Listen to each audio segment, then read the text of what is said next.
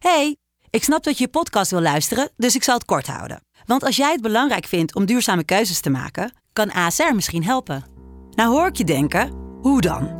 Nou, bijvoorbeeld bij het duurzaam herstellen van schade. Of de premies die we beleggen volgens ons duurzaam beleggingsbeleid. Dat bepaalt waar we wel en juist niet in investeren. Wil je meer weten over welke duurzame keuzes ASR maakt? Ga dan naar asr.nl slash duurzame keuzes. ASR doet het. Zo, dan kan je nu lekker naar je podcast luisteren. Voor de ondernemer is hetgeen wat op 1 juli is ingaan, die nieuwe pensioenwet, is echt goud. Dus daarom zeg ik altijd tegen mijn klanten, of trouwens ook mensen in loondienst, ga ook zelf gewoon pensioen opbouwen, man. Wat is nou veranderd, zeg maar, voor de mensen in, uh, als ondernemer zijnde? Er zijn vier veranderingen doorgevoerd.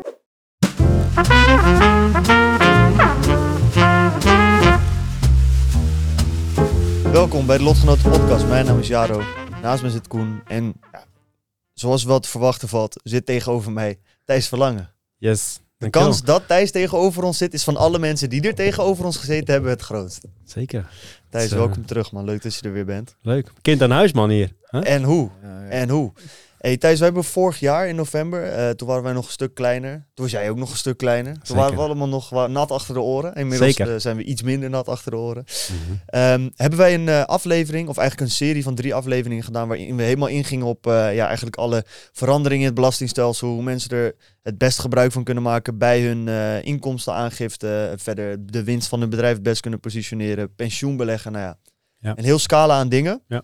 Zoals je toen ook al uitlegde, heeft de Tweede Kamer er een handje van om elk jaar alle regels weer lekker te remixen, uh, te veranderen. Dus toen hebben we al gezegd van ja, dat gaan we volgend jaar weer doen. Dus bij deze komen de komende twee zondagen voor de mensen komen refresh afleveringen met uh, ja, gewoon alles wat je moet weten om dit jaar belastingtechnisch goed en uh, zo voordelig mogelijk af te sluiten. Zeker. Dat gaan we doen, man. Gaan het over hebben. Juist. We gaan denk ik beginnen met een stukje wat jouw favoriete onderwerp is. Ik weet niet of het nog steeds je favoriete Zeker, onderwerp is. Jawel. Pensioenbeleggen, dat vind jij goud. Zeker. Ik ben daar, uh, omdat ik toch heel erg in thuis ben. En mensen kennen mij vaak van diegene van, uh, van het uh, pensioenbeleggen. Mm -hmm. of van de lotgenoten. Hè? Hé, hey, jij bent die van de lotgenoten. Ja, iemand ja. had ook gevraagd of, jij, of het jouw podcast was, toch? Laat. Zoiets zei je volgens mij... Uh, nee, dat weet ik niet meer. Heb ik dat gezegd? Ja, volgens mij wel. Misschien op mijn feestje, maar dat kan ik niet herinneren. uh, laatst had ik, ik had kunstgas besteld voor thuis.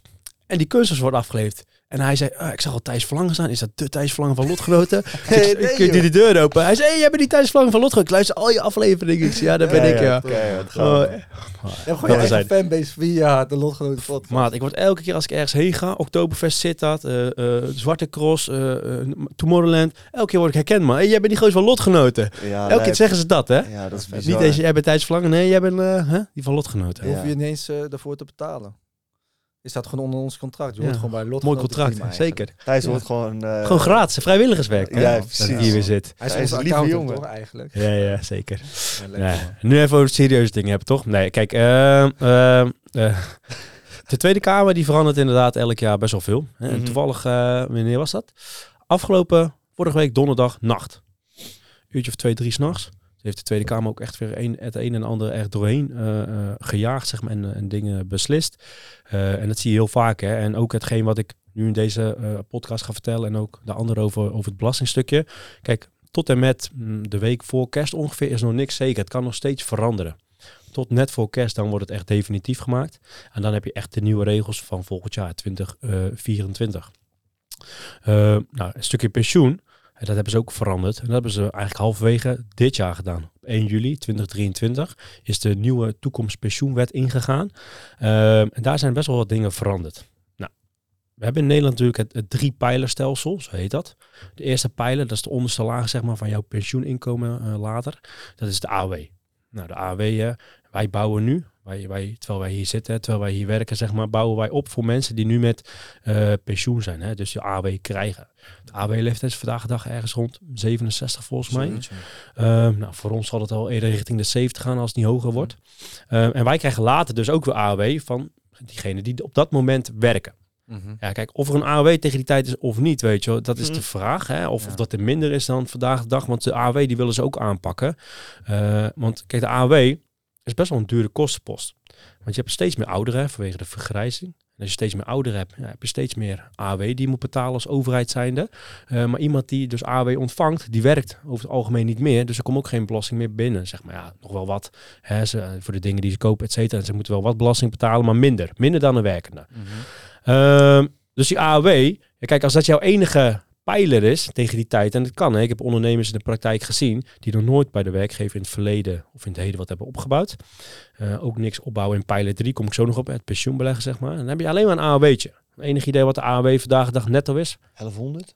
Nou, nee, minder toch? Ja, het is, als je uh, samen bent, dus je gaat samen met pensioen, dan krijg je de man 920 euro.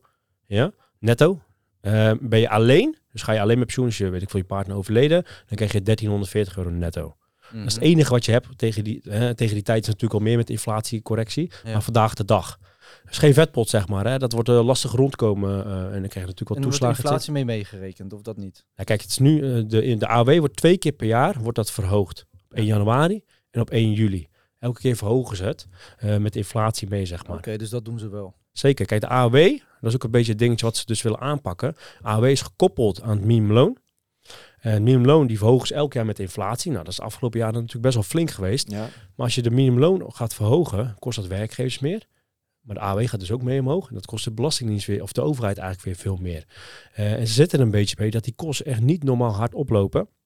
En die moeten ergens worden betaald. En die worden betaald door de vermogenden en de ondernemers. Ze komen later nog wel op. Uh, ja, jij bent de vermogende, ja, daar is het ondernemer. snap je? Dus, dus die, die moeten dat gaan betalen. En of je het goed vindt of niet, het is nou eenmaal zo. Maar wat is er nou? Die AW, ja, die wordt dus later uitgekeerd. Uh, nu zijn er ongeveer vier werkenden, vier tot drie werkenden voor uh, die AW betalen. Dat is uh, 17,9% over onze eerste 34.000 euro bruto die wij jaarlijks verdienen. Snap je? Dus mhm. ook al verdien je ton. Ja. Maar over die eerste 34.000 euro, daar 17% van 17,9, dat is 3201 euro. 6201 euro uit mijn hoofd volgens mij. Dat is wat wij eigenlijk aan iemand betalen die nu met, uh, met pensioen is. Dus jij 6200, jij 6200, ik 6200.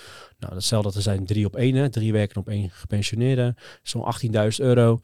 Uh, haal daar een beetje belasting af, dan kom je ongeveer uit op die uh, 920 of 1300 euro. Uh, heel, heel grof gerekend. Ja, zo werkt het een beetje. Ja. Dat is pijl 1. Maar heel eerlijk, ja, als je ondernemer kan je er bijna nooit voor rondkomen tegen die tijd. Of überhaupt niet. Hè? Als je maar 1340 euro netto krijgt als je alleen bent. Of 920 euro samen, 1840. Ja, als je, je samen bent. toch van, straks heb je niet meer drie personen die voor betalen. Maar door de vergrijzing heb je eigenlijk twee personen die werken en twee personen die van pensioen genieten. Ja, dat is dus uh, rond uh, in het FD ook redelijk recent, hè, dat er er komt steeds meer vergrijzing, dus minder werkende. Dus die verhouding die kan gaan veranderen. Hè? Dat ineens nog maar twee werkenden zijn die die pensioen moeten gaan, of de AW moeten gaan betalen. Ja, wat gaat er dan gebeuren? Dan moet of dat belastingtarief omhoog gaan, toch die 17,9% die moet omhoog gaan, of die AW die moet minder krijgen.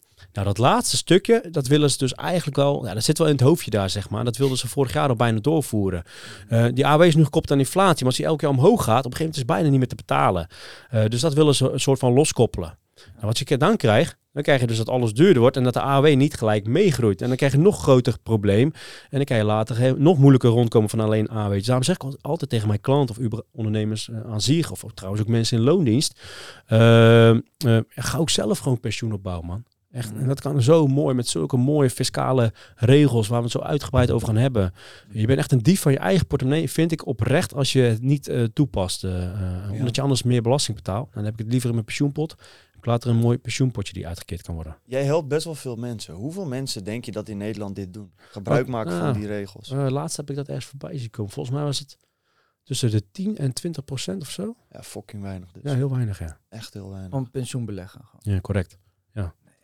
Dus dat is pijler 3, is pensioenbeleg inderdaad. En daar wordt er nog niet heel veel gebruik van gemaakt. Uh. En dat vind ik op zich wel uh, ja, best wel zonde, zeg maar. Ja, man. Maar dat willen ze denk ik ook wel gaan verbeteren. En dat is ook waarom sinds 1 juli dus die regels uh, aangescherpt zijn. Of aangescherpt eigenlijk verbeterd zijn. Voor de ondernemer is hetgeen wat op 1 juli is ingaan, die nieuwe pensioenwet, is echt goud. Mm. Er zijn vier verbeteringen gekomen en nul negatieve dingen.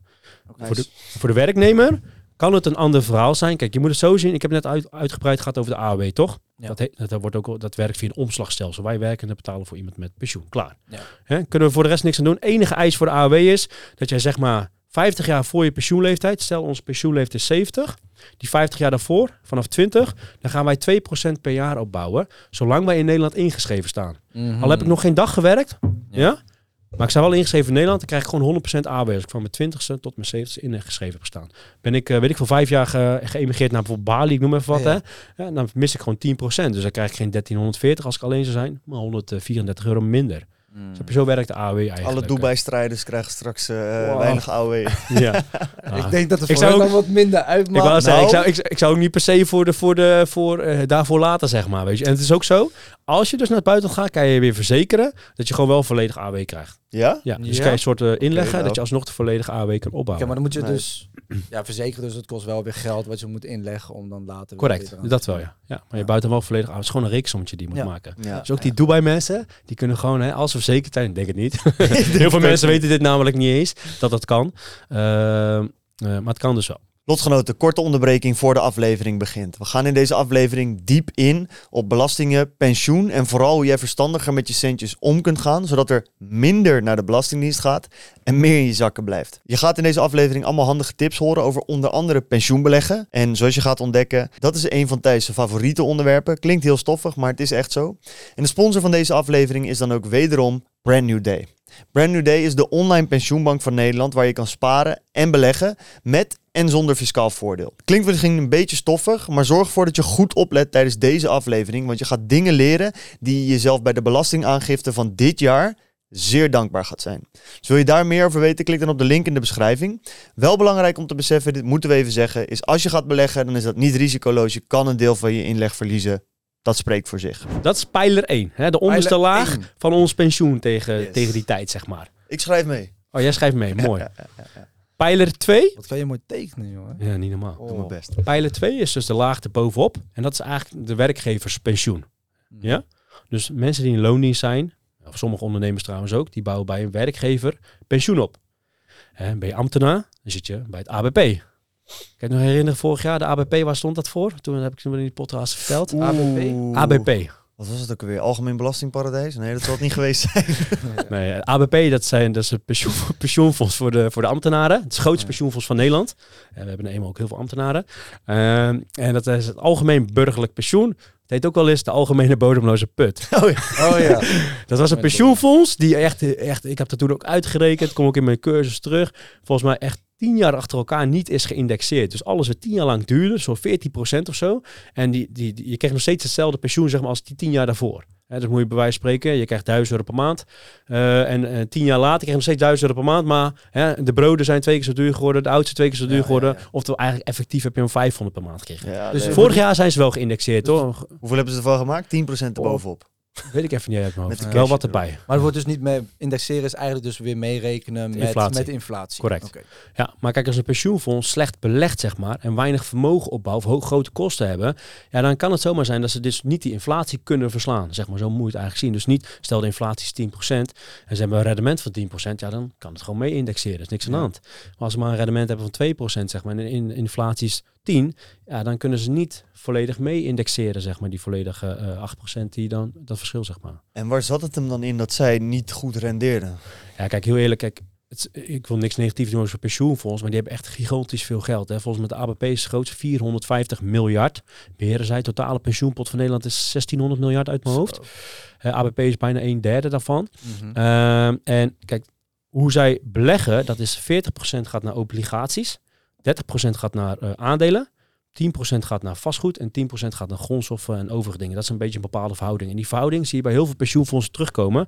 Maar dat is door de Nederlandse wet, of door, door de overheid is dat eigenlijk bepaald dat het in die verhouding moet. Ja. Nou, hè, kijk, aan, op de lange termijn, aandelen maken het meeste winst. Dus wij jongeren, wat zouden wij doen als we gaan beleggen? Wij gaan in aandelen stoppen, toch? Want we hebben de meeste winst op de lange termijn. Het gaat harder op en neer. Op de lange termijn de meeste winst.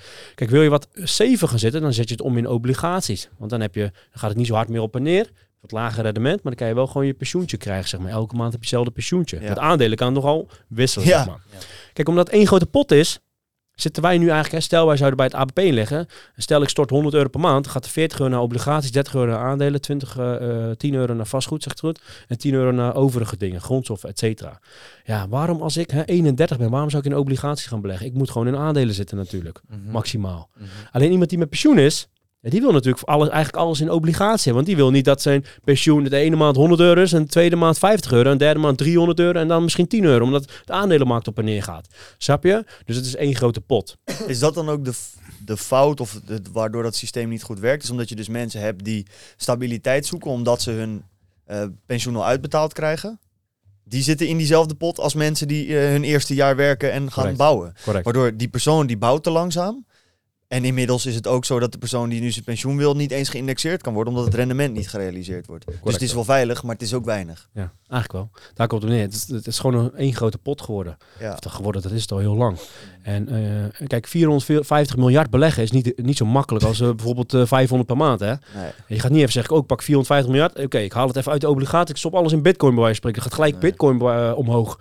Ja. dus het is best wel lastig beleggen natuurlijk dan als je een hele kleine speler bent. Maar ja. Is het dan ook zo dat zij alleen maar in echt grote bedrijven zoals een Microsoft, Apple en zo kunnen investeren? Omdat Onder andere zijn dat wel de bedrijven waar ze in zitten, Apple, et cetera. En het grappige is, ik heb eens particuliere klanten gehad. En dan vraag ik wel eens hè, eh, van, joh, beleg je al? En dan zeggen ze, nee, ik beleg niet. Ik zeg, oké, maar je bouwt toch pensioen op? Ja, ik zeg, wat denk je dat, dat met dat geld gebeurt? Weet je? En, ik denk dat 9 van de 10 mensen die werkgeverspensioen opbouwen geen idee hebben wat er met hun pensioengeld gebeurt. Terwijl ze gewoon soms 300, 400 euro per maand storten naar de pensioenfonds. De werkgever, ja, de werkgever ja, dat gaat via de salaris, wordt allemaal verrekend. Ja. Dus krijgen netto gestort en ze vinden het wel best natuurlijk. Helemaal prima hoor. Alleen dat wordt dus altijd, eigenlijk altijd, bijna altijd wel belegd. En dan zeg ik tegen diegene tegenover me, jij bent al gewoon een belegger.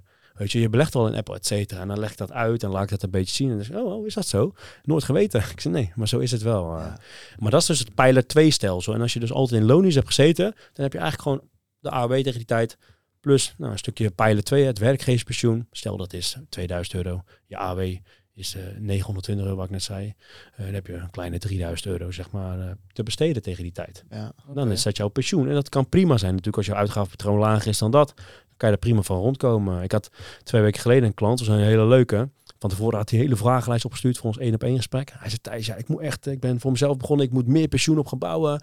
En mijn vrouw ook, die heeft ook een tijd niet opgebouwd en bla bla bla. En toen kwam hij bij mij en ik had al die documenten al ingezien, had alles aangeleverd. Nou, het was een oud, wat ouder iemand, dus wat ouder valt op zich gewoon 53. Die had nog wat uh, lijfrentes lopen uit het verleden. Dat, tegenwoordig noemen we dat eigenlijk pensioenbeleggen. Ander woord voor pensioenbeleggen kan ook wel eens lijfrente zijn. Ja, je hebt zoveel termen, ja. je helemaal lijp van. Uh, en toen ging ik dus alles inventariseren. En toen zei ik, joh, met jouw uitgavenpatroon, die was vrij laag. Hij had bijna geen hypotheek meer. Die was nog maar 87 euro per maand. Ja. En ik zeg, maar jouw uitgavenpatroon was, het was iets van 1500 euro wat ze samen uitgaven. En ze hadden nog wat uh, doelen, et cetera, nou geïnventariseerd. Hun pensioen was al, uh, als, al zou die nu niks meer inleggen. Hij was 53 en zijn vrouw was volgens mij een paar jaar jonger. Had hij al Boah, iets van 4500 euro tegen die tijd. Ik zeg, je, je hoeft helemaal niks meer te doen op Ga lekker leven, man. Ga leuke dingen doen. Weet je Ga je, ga je uitgavenpatroon opkrikken dat je tegen die tijd toch te weinig hebt? nee, dat niet. Maar was het samen of alleen solo van hem? Nee, samen hadden ze samen 45. Ja, hij had wel veruit het meeste. Uh, bijna 3000 alleen al. Mm -hmm. uh, en zij het wat minder. Maar ze hadden echt ruimschoots genoeg. En ook live rentes die dan in één keer, uh, die komen dan vrij. En dan wordt dat ook weer uitgesmeerd op een bepaalde periode. Ja, ik ging gewoon alles inventariseren. Oké, wat is de AW tegen die tijd? En wat zijn de pensioenen die jullie hebben mhm. opgebouwd tegen die tijd? Wat zijn de lijfrentes? En als we die laten uitkeren, dan laat ik het een beetje indexeren. En dan zag ik gewoon van, nou, dit is gewoon 4500 euro te besteden tegen die tijd. Netto, hè, ook nog eens. Ik had de belasting ook nog eens afgehaald. Terwijl ze een uitgavenpatroon hebben van 2500 euro. Oh. Want... Ik zei, niks meer opbouwen. Storten, even storten. Niks meer storten bedoel ik. Uitgeven. Ga gewoon leuke dingen doen. Ja. Mm ja. Was de uitgave nog 1500, 2500? samen. 2500, Kijk, als je maar 87 euro hypotheek hebt, ja, dan is het bijna 1500 euro voor dingen uh, te besteden. Die, ja. ja, dat is zeker waar. Ja. Als je ja, is op zich al redelijk. Hè? Goed, Sommige mensen hebben een hypotheek van, nou, als ik kijk naar mezelf, 1100 euro. Stel ik zo 1500 uitgeven, zit ik op 3600 per maand. Sommigen hebben hypotheek nog veel hoger dan dat. Ja, of sommige mensen betalen gewoon huur. Dan kan je ook gewoon nog worden. Dat kan ook. Snap je? Dus het is op zich een normaal uitgavenpatroon. Hè? Als uh, een beetje een, normale hypotheek ja, zit heel snel dan in, zit, ja. Dan zit je op 3500 euro. Dat is een beetje gemiddeld wat ik vaak voorbij zie komen met een hypotheek van 1000 euro. Ja. ja. Uh, maar bij hun is de hypotheek nou eenmaal gewoon heel laag. Is het daarin ook nog zo dat bijvoorbeeld dan voor de vrouwen te adviseren is om wel voor zichzelf nog wat meer op te bouwen? Want wat ik wel eens gezien heb, is dat je ook hebt dat de vrouw op een gegeven moment... Ik heb wel eens verhalen gehoord van iemand dat gewoon... Ze gaan uit elkaar ja, die vrouw wordt letterlijk gewoon, ja, je hebt geen pensioen meer. Ciao. Klopt. Uh, dat kan. Wel AOW. Ja, nou, joepie de poep. Dikke vetpot. Nou, deze vraag had hij dus ook gezegd uh, in zo'n lijstje uit acht vragen van tevoren naar mij toegestuurd. Nou, die had zijn vrouw natuurlijk gesteld, maar die moest hij opsturen. Oh, dat, dat, was het, ja. um, in ieder geval, een van de vragen was van, joh, wat als mij wat overkomt? Ja, uh, bijvoorbeeld bij overlijden, zit mijn vrouw er dan ook nog goed bij? Uh, en dat was in hun geval ook al het geval, zeg maar. Al zou hij overlijden, dan zat zij er nog steeds goed bij. Mm. Het is namelijk zo, uh, als je pensioen opbouwt bij de werkgever en diegene die dat pensioen heeft opgebouwd, die overlijdt, dan gaat er vaak 70% naar de nabestaanden. Um, dus ja, als je al een pensioen hebt van bij wijze van 3000 euro, 70% daarvan, ja, dat is nog steeds 2100 euro. Ja. Dus heb je, dat is al best wel fix. Plus een AOW erbij. Maar ja, laat zeggen, als ze alleen is dan tegen die tijd, dat is die 1300. Is je nog, uh, wat is het, uh, 34, 3400 euro. Ja, zelfs. ja 3400 euro. Hij zegt 70% gaat dan naar de partner. Ja, naamstaand pensioen. Waarom, uh, ik ben benieuwd of je dat weet, maar 30%. Dus Waar blijft die andere 30%? Ja, hè? ja, wat, wat, ja. wat wordt daarmee gedaan en waarom die keuze om dat 30% te maken? Ja, geen idee. Dat is gewoon een bepaald, ik denk een soort van verdienmodel van die, van die werkgeverspensioenen. Uh, want vaak als je dan, als de vrouw ook overlijdt, hè, uh, dan gaat er, ja, tenzij de kinderen heel jong zijn, dan wil het wel eens een wezenpensioen worden. Maar zijn de kinderen wat ouder, ik weet even niet de leeftijd. Het kan zijn dat het bij 25 ligt, dit kantelpunt, dan is het ook gewoon helemaal weg. Dan is alles eigenlijk uh, voor, de, voor de pensioenfonds. En dat, soms heet het, het heet ook een, een bepaald winstmodel. Hè. Sterftewinst wordt dat ook wel eens genoemd. en dat zijn echt flinke potten met geld. Hè, want 3000 euro per maand uitgekeerd krijgen, levenslang vanaf jouw 67ste. Mm. En je praat misschien echt over nou, 6 ton of zo wat in zo'n pot kan staan. En dat uh, kan gewoon niet naar je nabestaanden gaan als jij zelf overlijdt. Correct. Ja, 70% gaat naar de partner, wat ik net zei. Ja. Toch? En als die overlijdt en de kinderen zijn hè, oud, ouder, uh, dan volgens mij 25 uit mijn hoofd, maar dat weet ik even niet zeker, dan is het gewoon weg. Maar ik denk dat niemand in Nederland de realisatie heeft dat wanneer jij en je vrouw bijvoorbeeld allebei overlijden en dat die pensioen gewoon weg is en dat je kinderen niet die zes ton krijgen.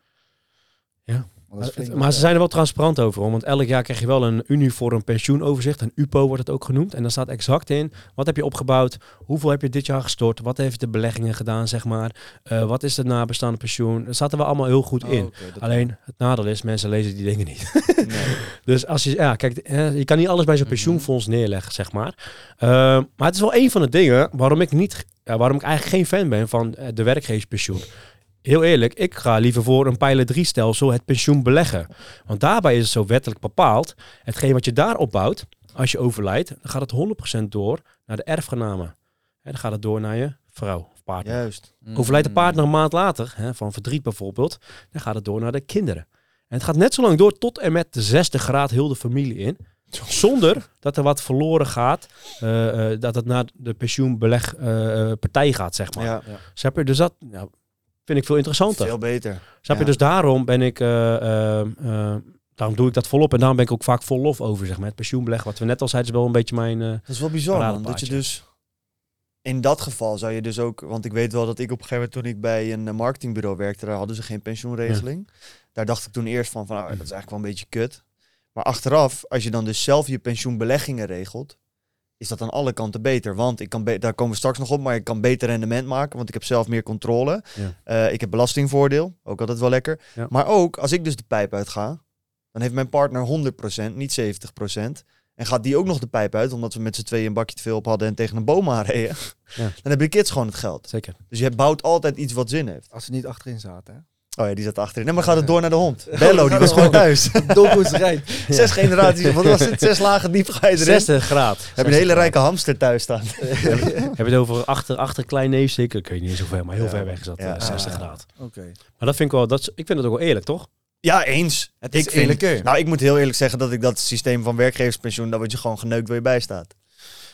Ja. Hoe komt dat dan? Ik snap Ja, dat, omdat, kijk, omdat omdat- veel te weinig geld is voor alles, pik. Dat, Dat weet ik, systeem maar is naar de klote. Is het gewoon zo omdat dan eh werkgeverspensioen, dat wordt door iedereen gebruikt. Dus daar komen op een gegeven moment regeltjes op door het bedrijf zelf waaraan ze denken, oh, we willen meer winst maken dit jaar, dus hoe gaan we dat doen? En bij pijler 3 is het meer zo van, ja, heel weinig mensen doen dat, dus er wordt ook amper tot niet naar omgekeken. Nee, ik denk niet dat daarmee te maken. Werkgeverspensioen is nou eenmaal zoals het is. Eh, en dat is denk ik ook heel veel is ook wettelijk bepaald allemaal. Ja. En dit pijler 3 stelsel, ja, dat is eh, eh, het banksparen. Kijk, op banksparen is een officiële term. Ik zeg altijd pensioenbeleggen, want ja, de meeste van mijn klanten zijn jong. Dan ga je beleggen in plaats van sparen natuurlijk. En maar als je ouder bent, kan je ook gewoon kiezen voor de spaarvariant met alle Ja. belastingvoordelen. Eh, maar ehm, Uh, het pilotstelsel, het banksparen, is officieel pas sinds 2008. Mm, dus ook Daarvoor kon het al, want lijfrentes bestaan al echt sinds poh, 1900, uh, heel vroeg zeg maar. Mm. Maar dat was vaak via een verzekeringsvorm. En daar komen we nu op. Dat is ook een leuke. Heel even kort tussendoor.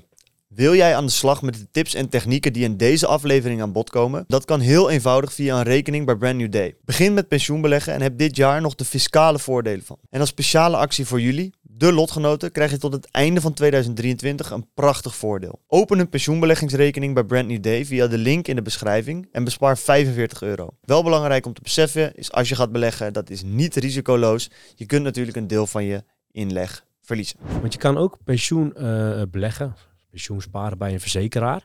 Uh, maar vaak moet je dan even goed naar de, de, de, de uh, hoe zeg je dat? Kijken naar de voorwaarden.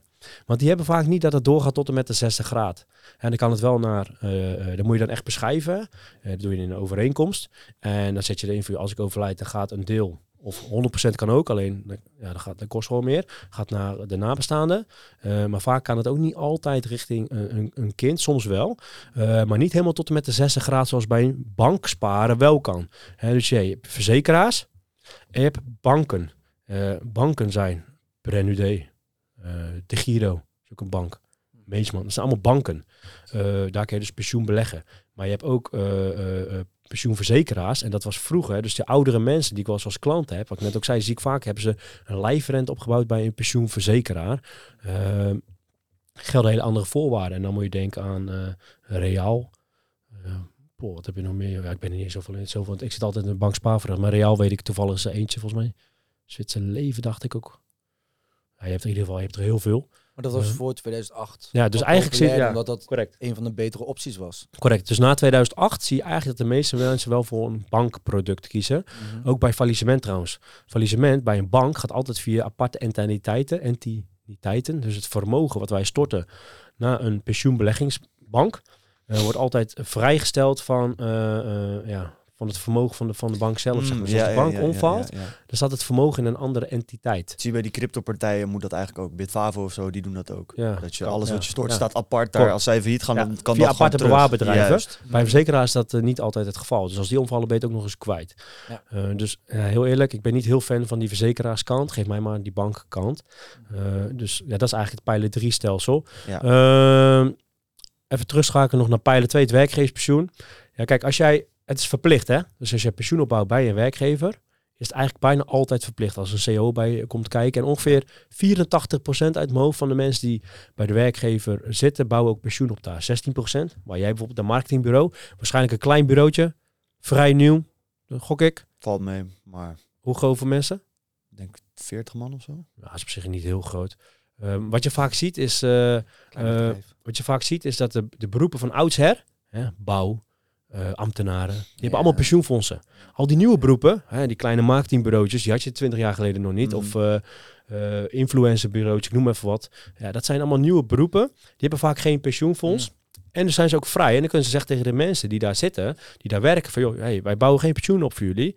En dan kunnen jullie wel dus doen via zo'n bankspaarproduct. Ja. Uh, en dan kunnen ze dan, uh, ja... Alleen dat weten er veel ook niet. Nee, zeker. Dat weten er heel veel Daar werd ik niet echt op geattendeerd. Nee, correct. Correct, heel veel weten dat niet. Dus, dat is, dus voor alle mensen die dat nu hebben, als jij niet weet of je pensioen opbouwt, check dat allereerst even. Heel makkelijk, kan je zo checken.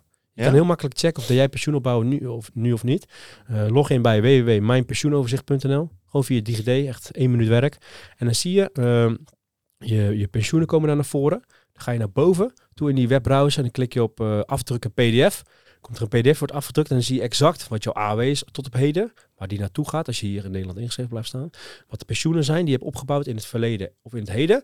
En als het goed is, bij eentje staat er een klein blauw balletje links voor een van die pensioenfondsen. En dat is een actief pensioen. En dat wil zeggen, daar bouw jij nu pensioen op. Zie je nergens een bolletje, maar dacht je wel hè, dat je ergens pensioen opbouwt en dan weet je dat je geen pensioen opbouwt. En dan moet je even naar je werkgever toe. Yes. Okay. En dit heb ik ook wel eens een praktijk gehad hoor.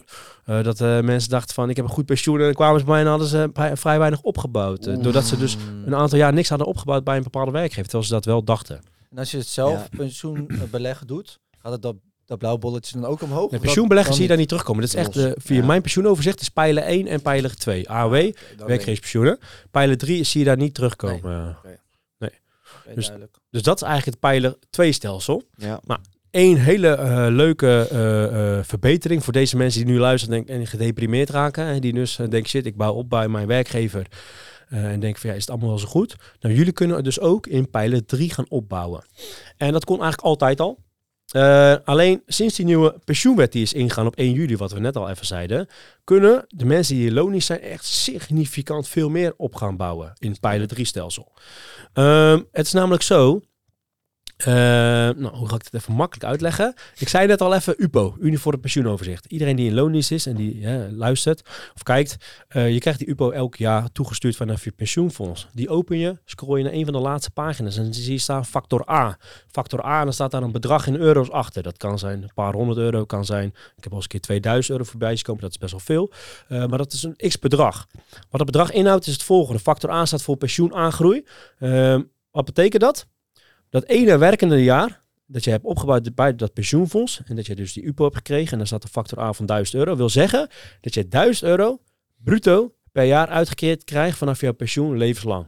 Dat heb je, mhm. stel, je doet 40 jaar werken daar, je betaalt 40 jaar, 40 jaar achter elkaar bij je dus 1000 euro per jaar op. Heb je dus 40.000 euro bruto per jaar, dat vanaf je 67ste wordt uitgekeerd tot en met jouw uh, dood, zeg maar. Dat, zo werkt het pensioenstelsel. Ja. 40 werkjaren is vrij normaal, 45. Uh, eh, dus zo kan je dat ook een beetje uitrekenen. Nou, nu komt het volgende. Die factor A, die heb je nodig, dat bedrag, om uit te rekenen wat jij mag storten in pijler 3 naar een pensioenbeleggingsrekening. Uh, het banksparen, hmm. pensioenbeleggen. Ja? Want het is namelijk zo, kijk, ondernemers die hebben alleen een AW. Dus als die een pensioen willen aanvullen, die kunnen dat alleen maar met het Pilot 3 stelsel. Er zijn wat uitzonderingen, maar over het algemeen is dat het geval. Dus die kunnen um, eigenlijk vrij veel storten naar zijn pensioenbeleggingsaccount. En dat is ook logisch, want die moeten een pensioen voor elkaar zien te boksen. boksen. Iemand die dus al bij de werkgever wat opbouwt, die heeft dat middelste laagje al. Dus die, ja, dat bovenste laagje voor pijler 3, zeg maar, dat is gewoon een, eh, veel kleiner. Ja. En dat is die factor A. die factor A die zegt eigenlijk, oké, hoe groot is dat middelste laagje? En wat blijft er dan over om te storten naar het pensioenbeleggingsaccount? Mm Juist. Kijk, dus stel, ik verdien een ton als ZZP'er en iemand in loon is verdient ook een ton. Maar hij bouwt pensioen op. Dan kan ik altijd meer storten dan dat hij kan. Dat is ook logisch, want hij bouwt in het middelste laagje op pijler 2. Ja. Pijler 3 uh, kan, kan ik meer storten, omdat ik alles moet uh, compenseren, zeg maar, voor mijn pensioen. Nou, wat is er nou gebeurd met het nieuwe pensioenstelsel? Gaan we een klein beetje de diepte in. Ik zal het echt heel uh, rustig uitleggen. 1 juli is de nieuwe toekomstpensioenwet ingegaan. En het duurt nog tot met volgens mij 2027 uh, uh, uh, dat het helemaal er doorheen gaat. Alleen het pijler 3 stelsel is het per direct doorheen gaan en het terugwerkende kracht per 1 januari 2023. Hey. Pijler 2 is pas 2027. Dat is ook logisch. Want wat er gaat er nou gebeuren? Die pensioenfondsen, die werkgeverspensioenen, die moeten dus ja, het geld om gaan zetten. Invaren heet dat. Naar ja, nieuwe Ga dat maar met 1600 miljard doen. Precies. Ja, ik hoor heel veel geld, 1500 miljard. Moet, moet wat mee gebeuren. Ja, dat ga je natuurlijk niet van een op andere dag doen. Dus dat invaren, dat is de term daarvoor. Dat duurt gewoon even. Uh, maar ik weet niet alle ins en outs, want het is echt een gigantisch groot document over het Pilot 2 stelsel. Daar ben ik minder in thuis. Maar er gaan dingen wijzig, worden gewijzigd die ook nadelig kunnen zijn voor werknemers. Wat ik van horen en zeggen heb begrepen. Het Pilot 3 stelsel, dat gaat ook over de toekomstpensioenwet. Die is dus bij 1 januari gelijk ingaan hè, met terugwerkende kracht 2023. Uh, en die is dus op alle fronten uh, verbeterd. Nou, daar weet ik wel alles van. Uh, wat is nou veranderd zeg maar, voor de mensen in, uh, als ondernemer zijnde? Er zijn vier veranderingen doorgevoerd. Hetgeen wat jij mag storten jaarlijks naar zo'n pensioenbeleggingsrekening, is dat kan je, je, kan niet zomaar storten wat je wil. Zeg maar. Als je denkt, oh, ik heb hier een, een halve ton staan, heb ik stort even een halve ton. Mag wel. Kan. Je kan het storten. Het wordt ook belegd. Alleen belastingtechnisch is dat niet heel slim. Daar kom ik straks nog op terug. Mm -hmm. waarom? Kijk, de overheid die geeft heel veel belastingvoordeel op het pensioen beleggen. Maar dat doen ze met een reden. Ze willen dat jij een goed pensioen krijgt, toch? En een goed pensioen is niet tegen die tijd een half miljoen per jaar. Toch? Dat is veel te veel. Wel goed. Wel leuk. het is wel goed, maar het is veel te veel. Kijk, zij willen gewoon dat jij gewoon een goed pensioen hebt. Weet je, een normaal pensioen, dat is vaak 75 tot 70 procent van je huidige uitgaven, zeg maar, tijdens werk en leven. Dat is een goed pensioen. Dus stel je geeft een ton per jaar uit, dan is 70.000 euro tegen die tijd is een goed pensioen. Waarom? Je bent ouder, je geeft minder uit en je belastingen gaan ook omlaag tegen die tijd. Je krijgt een extra schijf bij, um, waardoor je belastingdruk omlaag gaat. Nou, fijn. 70% is een goed pensioen. Maar ze willen dat jij die 70% haalt. Ja? Nou, wat gaan zij doen? Ze hebben dus uh, besloten dat, uh, tenminste er is een formule, de jaarruimteformule. Jaarruimte is de fiscale term voor pensioengat. Wat is je pensioengat? Kijk, ik als ondernemer heb alleen AW, dus alles daarboven is een pensioengat. Dat noemen ze met de fiscale term jaarruimte. Je boekhouder of je accountant die kent deze term ongetwijfeld. En zo niet? Zoek een nieuwe. ja, zeker. Ehm, je jaarruimte is hetgeen wat je mag storten. Hè, je pensioengat. Nou, de formule die was zeg maar de afgelopen jaren, uh, nu ga ik hem even helemaal uitgebreid uitleggen. Mhm. 13,3% ja, van je premie grondslag. En je premie grondslag, dat is jouw winst als ZZP'er zijn. De winst voor aftrek van al die ondernemersaftrekken. Hè. Of je DGA-loon, als je in loondienst bent van je eigen BV. Of je bruto loon, bruto jaarloon, als, als, als, als, als je in loondienst bent. Ja? Een van die drie hebben de meeste mensen in Nederland. Mhm. Die pak je dan, stel dat is eh 100.000 euro. 100.000 euro loondienst, 100.000 euro DGA, 100.000 euro winst. Ja? Dan moet je daarvan afhalen de AOW Francise. En die wordt elk jaar wettelijk bepaald. Kan je gewoon googlen. En dat is vandaag de dag 13.646 euro. Ja? Pakken we dus die 100.000 euro. Die 13.000 halen we eraf. Even makkelijk rekenen. Houden we 87.000 euro over. En daar 13% van, 13,33% kan ik storten naar mijn pensioenbeleggingsrekening. Dus hè, van 87.000 euro, 13%, wat is dat? 10.000 euro ongeveer. Die kan ik storten naar mijn pensioenbeleggingsrekening. Duidelijk toch? Mhm. Zo werkt het voor een ondernemer. Ja. Als je een werknemer bent, dan is het eigenlijk dezelfde som. Alleen dan moet je nog één klein formuletje aan toevoegen. Dan is het diezelfde som, 13,3% hè, maal je winst min die AW van CISA. Dat eerst uitrekenen. En dan min 6,27 keer, 6,27 maal de factor A. Die heb ik net gegeven, toch? Dat is wat je in het document kan vinden. Ja. Dus als, als dat 1000 euro was, die factor A, 6,27 maal 1000 is eh 6270 euro. Nou, we mochten 10.000 storten. Maar hij heeft pensioen opgebouwd, hè, pijler 2, mag je eraf Ah, halen. ja. Blijft er 3800 nog wat over. Ja. Snap je? Ja. En dan ga je dat storten. Snap je? Ja. Dus dat is het verschil. Nou is er nog één klein ding dat ik aan moet toevoegen voor de volledigheid, maar die mag je ook weer vergeten, is min F. En min F is de FOR, de fiscale oude dagreserve. En dat is als je ZZP'er bent geweest en je hebt gebruik gemaakt van de fiscale oude dagreserve. Eh weet jullie wat het is? Geen idee. Geen idee. hebt Oké, een keertje benoemd, man. Hij is ook per dit jaar afgeschaft. Oh. Dus, en blij toe, want het is echt, oh, dat is een crime, jongen. Dat ga ik zo uitleggen. Ja, jongen. Yes. Is- Maar het kan wel zijn dat je in het verleden hebt gebruikt. En het pensioenbeleggen, het storten naar zo'n potje, wat ik net zei, die jaarruimte. Ja, die heb je in het verleden ook gehad als je dit voor de eerste keer gaat horen. En als je dan toch deze formule toe gaat passen, ja, dan moet je wel die, die voordeel eraf halen. Ja. Nou, voor de hè, lieve kijkers en luisteraars, jullie, als jullie een boekhouder of account hebben, laat het hun gewoon uitrekenen. Stel gewoon de vraag, hey account, dat heet boekhouder, wat is mijn jaarruimte en wat is mijn reserveringsruimte? Reserveringsruimte is eigenlijk de jaarruimte in het verleden. Maar daar kom ik zo op. Ik was Ja. bij de vorige gebleven. Voor alle mensen die waarbij het hoofd nu helemaal tot, net als bij mij. Oh. eh, hoe ik het gewoon doe, ik maak elke maand 100, 150 euro over naar pensioenbeleggen bij Brand New Day, mijn rekening daar. En aan het eind van het jaar pak ik de rest van mijn jaarruimte, tief ik de rest die ik over heb. Als ik ruimte over heb, pleur ik erbij. Dat is een manier. Oké, misschien is dat ook niet de handigste manier. Dan ga ik, met ik jullie leren hoe ik het beter kan doen. Het kan. Het kan een manier zijn. Eh, ik doe het ook ongeveer zo. Eh, alleen ik weet exact wat die ruimte is. Hè? Je kan ook dit doen. 150 euro per maand storten. En eh, weet ik veel, de winst valt tegen. En dan ga je rekenen. En shit, shit ik kon eh, in plaats van... eh, eh, ik kon in plaats van 150 per maand kon ik eigenlijk maar 50 euro per maand, 600 euro per jaar storten. Dan heb je dus te veel gestort. Hè? Als je dat hebt, dan wil je ook niet, niet hebben. Maar even no- nog daarvoor, hier kom ik zo nog wel op. Mm. Daarvoor, de fiscale oude dagreserve is wel heel belangrijk om te beseffen. Want ik heb echt ondernemers gehad, die hadden een halve ton aan voor staan op hun IB-aangifte, op hun belastingaangifte. En dan vroeg ik aan die ondernemer van, joh, kijk, hier, 50.000 euro voor. Weet je wat dat is? Nee. Ik zei, oh, heb je die 50.000 euro nog ergens staan toevallig? Nee. Ik zei, oh, oké. Ik zei, nou, als jij nu stopt met werken, dan moet jij een heel groot gedeelte weer daarvan aan belasting terugbetalen. Het is eigenlijk een, een schuld aan de Belastingdienst. De voor staat voor fiscale oude dagreserve. Oude dagreserve. De boekhouder kon tot en met vorig jaar kon die de voor toepassen. Wat er dan gebeurde, er werd 9,44% van de winst werd extra netto uitgekeerd. Zodat die ondernemer dat kon reserveren voor zijn oude dag. Zelf. Op, ja, zelf. Alleen, je, mag er, je mocht ermee doen en laten wat je wil. Hè. Dat was de, de discipline van die ondernemer om dat te reserveren. Maar dat werd er niet altijd bij verteld. Of het werd niet goed begrepen door die ondernemer. Hè. Ik weet niet waar de fout ligt. En dan maakten ze het gewoon op. Dachten ze, nou, ik heb een goede boekhouder. Ik betaal weinig belasting. dus ik kreeg veel netto, weet je wel. Eh, maar dan hebben ze wel een belastingsschuld. En als je het jaar op jaar doet, hè, dan kan het hard oplopen. 50 euro belastingsschuld is niet leuk. Zeker. En als je dan stopt met ZZP, dan moet je dat weer terugbetalen. Dus heb je geen oude dag reserve, je hebt niks gereserveerd, maar wel een schuld, eh, zeg maar. Dus dat is eigenlijk een eh, verlies-verlies. Je Ja. hebt niks gereserveerd voor jouw dag, maar je moet juist terugbetalen. Eh, nou, heb je dus een voor... Dat kan je ook, hè, voor de mensen die nu luisteren en kijken, dat kan je verrekenen door meer te gaan pensioenbeleggen. En dan kan je het eigenlijk wegstrepen tegen elkaar. Dus stel je hebt 10.000 euro voor, dan kan je die 10.000 euro ook naar een pensioenbeleggingsaccount storten. En dan kan de boekhouder het wegstrepen met elkaar. Dan ben je weg van die voor. Ja. ja? En heb je wel dat pensioenbeleggingsgeld staan en die gaat gewoon lekker renderen. En dan kan je er ook niet meer aankomen en dan wordt het echt gereserveerd voor je pensioen. Omdat de Belastingdienst dan denkt, je hebt het nu slim geïnvesteerd waar we je het voordeel voor hebben gegeven, dus ja. hou die ding maar. Correct. Dus voordeel heb je al gekregen, belastingvoordeel. Dus je krijgt niet nog een keer aftrek, eh, maar het gaat wel renderen, zeg maar. Uh, dus dat is, een, uh, dat is eigenlijk een... een ik ben blij toe dat ze het hebben afgeschaft. Want waarom? Als diegene nu denkt, van, fuck, ik heb dit in het, in het verleden gedaan, maar ik wil ook nog mijn jaarruimte gestorten. De jaarruimte was 13,3% toch? Mm Nou, hij mag dus niet volledig 13,3% storten, want hij heeft al 9,44 voor gebruikt. Dus het restant mag hij maar storten.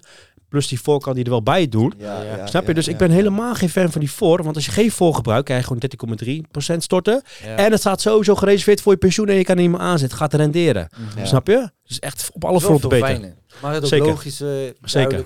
Zeker. Dus eigenlijk die voor, hè, wat ik, dat is, de hele formule min F staat bij, bij die officiële formule. Dat kan je dus weglaten sinds dit jaar. Oké. Ja? Als je oude mangi bent, dan moet je nog eventjes goed naar kijken hoe je dat in het verleden hebt gedaan. Zeker. Maar voor de ondernemers onder ons, hè, de meeste ondernemers volgens mij die kijken, is vrij makkelijk. Het is gewoon je winst, hè, of je box 1 inkomen, je jaarinkomen, je DGA-loon, min 13.646. Let op, dat wordt elk jaar wel aangepast, die 13.646. Dat bedrag maal 13,3%. Dat was het. Voor alle jaren terug. 2022 terug. Bij dit jaar is het heel erg verbeterd. Die 13,3% hebben ze 30 van gemaakt. Nee joh. Ja, dat is echt ziek. echt ziek. Zo. Dus als jij die ton winst hebt van net, hè, min 13.000 is 87.000, dan kan je geen 10.000 storten, hè, die 13,3%, maar 30%. Dus dan hebben we het over 25.000 uh, nog wat. 25.400 volgens mij even uit mijn hoofd. Dus kan je geen 10.000 storten, maar 25.000 euro kan je naar je pensioenbeleggingsaccount storten. Ja. Dan denken mensen, ja, wow, dat geld heb ik niet liggen. Dat kan het. Het is ook niet per se nodig, maar het kan wel. Fiscaal gezien kan het wel. Waarom doen ze het? Ze willen graag dat ondernemers ook wat gaan opbouwen. Want je weet ook, er komen steeds meer ondernemers bij. En uh, heel veel doen echt geen reet aan hun pensioen. Nope. En dat is ook echt een crime voor de overheid en een hoofdpijndossier. Want wat hebben zij dan? Straks allemaal mensen, ondernemers, met alleen een AW'tje en voor de rest geen inkomsten. En dan hebben ze toeslagen nodig en dan staan ze bij de voedselbank en weet ik het allemaal. Ja, dat wil je... wordt echt een drama. De overheid wil dit natuurlijk ook niet. Hè? Dus de overheid heeft wel goed vooruit gekeken. Zeker.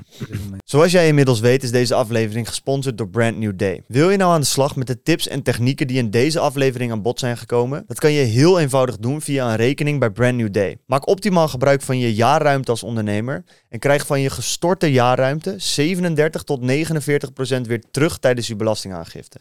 Dat is beleggen met geld van de Belastingdienst. Dus loop geen fiscale voordelen mis en maak gebruik van je pensioenbeleggingsmogelijkheden. En uiteraard hoef ik je er niet aan te herinneren dat als lotgenoot je tot het eind van 2023 een prachtig voordeel krijgt. Open een pensioenbeleggingsrekening bij Brand New Day via de link in onze beschrijving en bespaar 45 euro. Natuurlijk wederom belangrijk om te beseffen, als je gaat beleggen, dit is niet risicoloos. Je kan een deel van je inleg verliezen. Ik wens je heel veel succes. Ik ben, ik ben heel blij met die nieuwe toekomstpensioenwet. Ja, uh, Ook belastingtechnisch. Uh. Ja, want dat is, waar het, dat is waar het daarna vervolgens heel interessant wordt. Zeker. ben jij zo blij. Zeker. Want kijk, het is natuurlijk één ding dat je uh, vermogen opbouwt voor in de toekomst, zodat je op je AOW-leeftijd beter af bent. Hè? Maar dat is voor heel veel mensen toch best wel ver weg. Bla, bla, bla. Maar wat heel leuk is, waar jij op aangaat, is dat je vandaag de dag minder hoeft over te maken naar de Belastingdienst. Zeker. Daar word jij blij van. Zeker, zeker, zeker, zeker. Kijk, ik betaal het liefst zo min mogelijk belasting. Ik betaal graag belasting en laat ik daarvoor opstellen. Ik betaal ook heel veel belasting, geloof mij. Maar, maar het niet meer dan nodig is, zeg maar. Weet je, en alle regels wil ik uh, goed gebruiken, alle fiscale mm. regels die er zijn. En een van de grootste klappers is eigenlijk wel hetgeen wat ik net zei. Want je moet het beseffen, hè, stel je stort dus, uh, wij spreken, uh, of je nou 10.000 stort of 20.000, maakt even niet uit. Je kan hè, sinds dit jaar dus veel meer storten. Hetgeen wat jij stort, hè, laten we gewoon het voorbeeld houden van die ton winst. Ja, dat is gewoon even makkelijk rekenen. Dus diegene kan 25.000 euro storten. Kijk, nog maar liter over die ton winst moet je belasting gaan betalen. Toch? Als je ton winst hebt, dan gaan er nog MKB-vrijstelling gaat eraf, zelfstandig aftrek, eventueel startersaftrek. Nou, dan blijft wat over. En daar ga je belasting over betalen. Nou, in Nederland is het dit jaar zo dat je de eerste 73.000 euro betaal je 36,93% belasting over. Dat is zo'n 26.000 mhm. euro. Alles daarboven, boven die 73.000 euro, betaal je 49,5% over. Heb je dus een ton winst en even die aftrekposten weggelaten, want anders wordt het heel moeilijk rekenen. Dan heb je dus eigenlijk over vanaf, hè, vanaf die 73.000 tot die ton, dat is toevallig 26.000, daar de helft van moet je inleveren, 13.000 euro.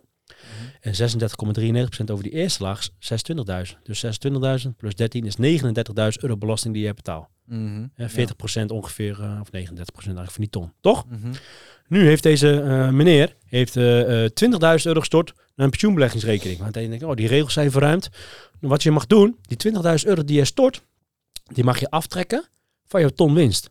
Dus er blijft er nog maar 80.000 euro winst over. Nou, als je dan het sommetje gaat maken, die eerste blijft natuurlijk hetzelfde, die eerste lage, die 26.000 euro. En die andere is nog maar 7.000 euro geworden, van 73 tot 80.000. Daar de helft van is 3500 euro. 3500 plus die 26.000 is 29.500. En geen 39.000. Dus bespaart je in dit verhaal al 9.500 euro aan belasting die je moet betalen aan de belastingdienst. Toch? Ja. Ideaal, zou je zeggen. Dat is fijn. Dat klinkt heel erg goed. Dat is ook heel fijn. En daarom ben ik er ook zo blij mee, zeg maar. Ja. Dus uh, kijk, ik stort het liever naar mijn pensioenbeleggingsrekening. Want Ja. je moet wel beseffen, je moet 20 storten, hè. Je krijgt er eigenlijk 10 terug. Zo moet je het zien. Mhm. Dus je stort er 20. Bij je eerstvolgende belastingaangifte krijg je de 10 terug. Krijg je die 10 terug, dan doe je er weer 10 bij, stort je weer 20. Snap je? De eerste keer is het even kut. Het komt volledig uit je eigen pocket. Ja. Maar bij je volgende belastingaangifte krijg je de 10 terug. Leg je de 10 bij, krijg je er weer 20 stort. Als, je, als die ruimte er is natuurlijk. Ja. Mhm. En, en elke keer kan je dus 20.000 euro aftrekken van jouw inkomen. En bespaart je over de long time echt gigantisch veel geld. 10.000 euro per jaar. En dat andere geld is ook niet uitgegeven. Dat is geïnvesteerd. Sorry, Dat correct. is gewoon, dat is grote kijk, je stort Het 20, wordt goed belegd. het ja. wordt 20.000 euro stort je naar een pensioenbeleggingsrekening. Dat gaat renderen. En je krijgt er gewoon weer 10 terug. Maar het blijft gewoon 20 staan natuurlijk. Ja. Jaar erop doe je er 10 bij. Bij diegene hè, van die, die andere 10 die je terugkrijgt, stort je er weer 20. heb je al 40.000 euro staan. En geloof mij, je kan echt knijten veel geld opbouwen zo. Eh, en echt een, eh, alsnog die half miljoen pensioen krijgen. Nee. Doe me echt, doe me echt denken aan die eh, acties die je altijd hoort bij van die sketchy eh, eh, goksites. Ja. Stort nu 100, krijgt 200 euro. Eigenlijk wel, ja. Ja, ja. Maar- het maakt nu ook wel, het maakt ook een stuk interessant voor mensen die al veel inkomen hebben. Die kunnen eigenlijk nu zeggen van nee, luister, ik ga nog wat uurtjes extra maken, want dan verdien ik misschien wat meer. Maar ik kan nog steeds pensioen gaan beleggen, waardoor ik daaronder uitkom. Om, uiteindelijk maak ik dan minder winst. Correct, kan. Zeker. Ook voor, maar voor meer voor werknemers die dus al een beetje op die ran- dat randje zitten. ja, zeker. Wordt het wel interessant om wat meer te gaan Zeker, verdienen, zeker. omdat ze ook voor later dan meer gaan opbouwen. Correct. Je Kijk, je wil eigenlijk ieder winst, liter gezien. Wacht hoor. eh, Ieder liter gezien wil je nooit in die hoogste belastingsschaal komen van box 1. Hè, die 49,5%, dat is de aller, aller, allerduurste box die er is. En hiermee kan je die echt significant omlaag drukken. Bijvoorbeeld de hypotheekrente aftrek op je eigen woning, dat mag je er ook vanaf halen. Dat terzijde.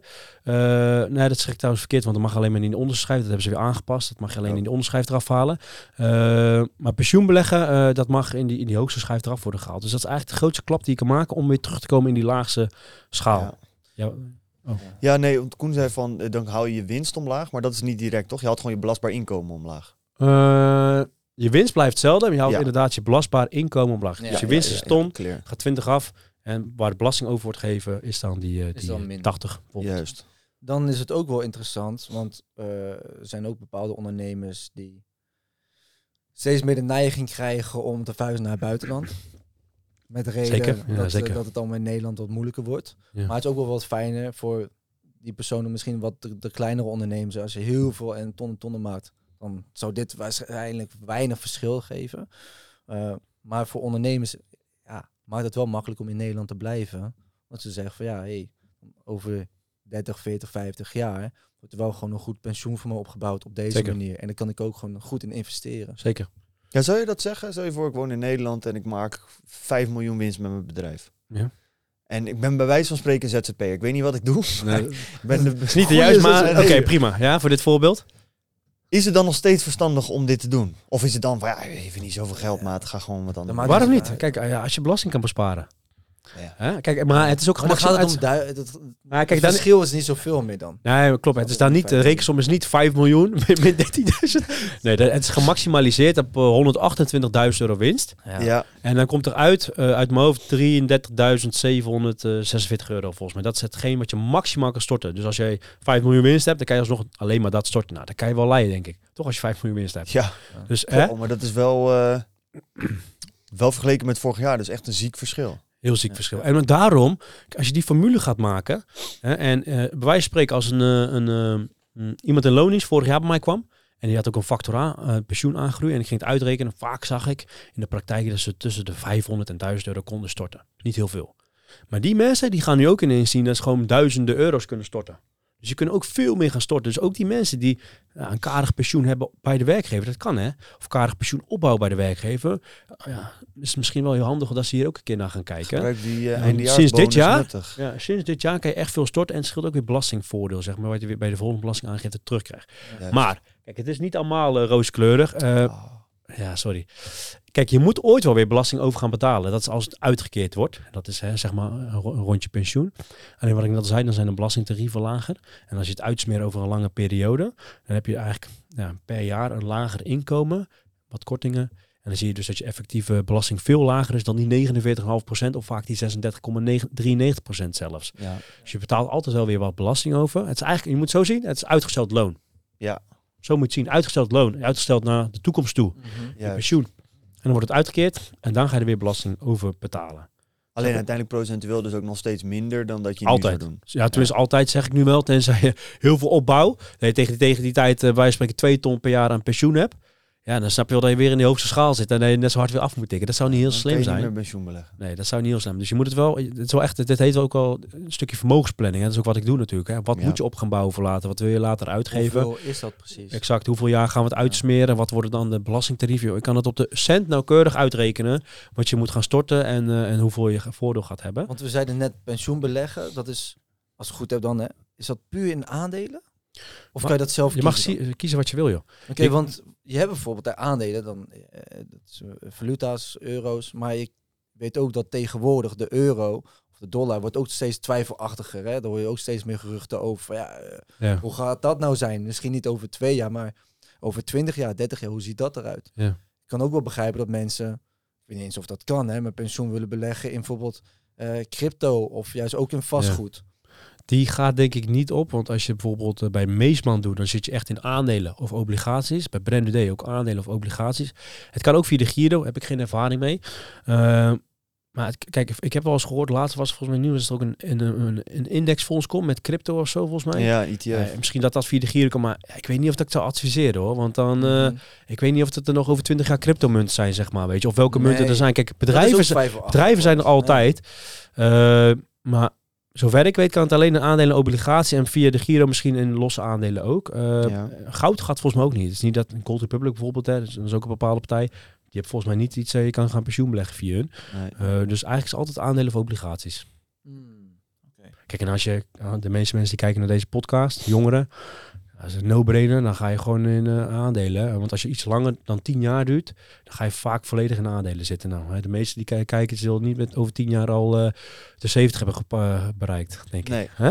Als iemand van 60 dit kijkt, wil ik even een comment zien op YouTube. Shout-out naar ja. Die zijn er sowieso. Ja, ja dat, dat, is het mooie. Of ze zitten op Spotify. Kan ook nog. Ja, dat kan ook nog. Dan kun je ook reacties achterlaten tegenwoordig. Ja, man. Ze zijn ook upgraden. Maar het is dus heel, heel interessant. Ja. En, maar dat is, hè, nu komt het leuke. Uh, en dit is ook weer nog leuker geworden. Uh, het geld wat wij storten naar zo'n pensioenbeleggingsrekening, mogen we dus aftrekken van onze winst. En onze winst valt in box 1. We hebben drie boxen. Box 1 is de winst, loon. Box 2 de BV. En box 3 het vermogen, het spaargeld, de crypto's, de uh, aandelen die we privé hebben, zeg maar. Nou, die regels zijn natuurlijk ook aangescherpt. Hè. De vermogensbelastingstuk die is ook heel hard omhoog gegaan. Daar gaan we het vol volgende aflevering over hebben. maar wat ik hier wil vertellen, Hetgeen wat jij pensioen belegt, is vrijgesteld van box 3 belasting, van vermogensbelasting. En veel makkelijk rekenen voor de mensen, dat is ongeveer 2% per jaar. Dus stel, ik heb een ton uh, bij spreken bij uh, privé belegd staan in aandelen. Dan moet ik daar 2000 euro per jaar over afdragen. Even heel makkelijk rekenen. Je hebt nog een heffing, uh, nog bepaalde vrije voet waar je eens overheen moet, maar even voor het gemak. stel, diezelfde ton heb ik in dezelfde aandelen belegd, maar dan bij een pensioenbeleggingsaccount hoef ik die 2000 euro niet af te dragen. Dus daar heb je ook nog een voordeel. 2% rendement dat je minder hoeft af te dragen, scheelt toch wel exact een, slok op, op de lange termijn is dat niet normaal. Op de lange termijn is dat echt significant veel, uh, veel geld. Ja, uh, 50.000 euro nu, parkeren, 25 jaar laten staan in aandelen bijvoorbeeld. En stel je zou 10% rendement halen, dan heb jij uh, 541.000 euro. Zegt het goed? Ja, iets meer dan een half miljoen. Stel je hebt 1% kosten, vermogensbelasting, kosten voor uh, weet ik veel wie, vermogensbeheer. Uh, en je hebt dus maar 9% rendement. Dan heb je 431.000 euro, 110.000 euro verschil. Dat bij een eenmalig, eenmalige storting van 50.000 euro en 25 jaar laten staan. Mm -hmm. Wij hebben het al over stortingen. Je hoort net al 20.000 euro per jaar bijvoorbeeld. Al zou je 5.000 per jaar storten mm -hmm. en je doet het 30 jaar lang en 2% verschil. Boah, dat is echt veel. Want dat heeft met het rente op rente effect mm ook weer te maken. Dat kan zomaar ja, misschien wel een half miljoen schelen. Echt. Ja. En dat is toch ook zo belangrijk. Daarom is het zo belangrijk om ook te weten ehm, waar je precies pensioen gaat beleggen. Want bij de ene, bijvoorbeeld Brand New Day, uh, kan je het zo regelen zeg maar, dat je weinig tot geen commissie betaalt. Terwijl bij bepaalde banken heb je het weer dat je meer commissies gaat betalen elk jaar. En dat gaat ook weer bij elkaar optellen. Wat jij precies zegt. Zeker, zeker. je kosten, kijk, op je rendement heb je geen invloed. Je kiest je aandelen en het is hoe die aandelen gaan doen. Maar gemiddeld is het, hè, laat zeggen, dus 8 en 10 procent langdurig gemiddelde ongeveer wereldwijd. Uh, op je kosten heb je wel invloed. Ga ik het bij die partij doen? Ga ik het bij die partij doen? Et cetera. Uh, dus daar kan je natuurlijk wel een goede keuze in maken. Alleen kijk, in het pensioenbeleggingswereldje zijn, zijn wel wat partijen, maar ook niet heel veel partijen.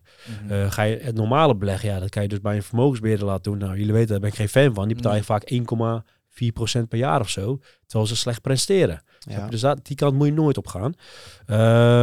Dus daar heb je wel invloed op, zeg maar. Bij pensioenbeleggen uh, is die invloed wat kleiner, omdat je niet heel veel partijen zijn. Uh. Ja. ja, mooi.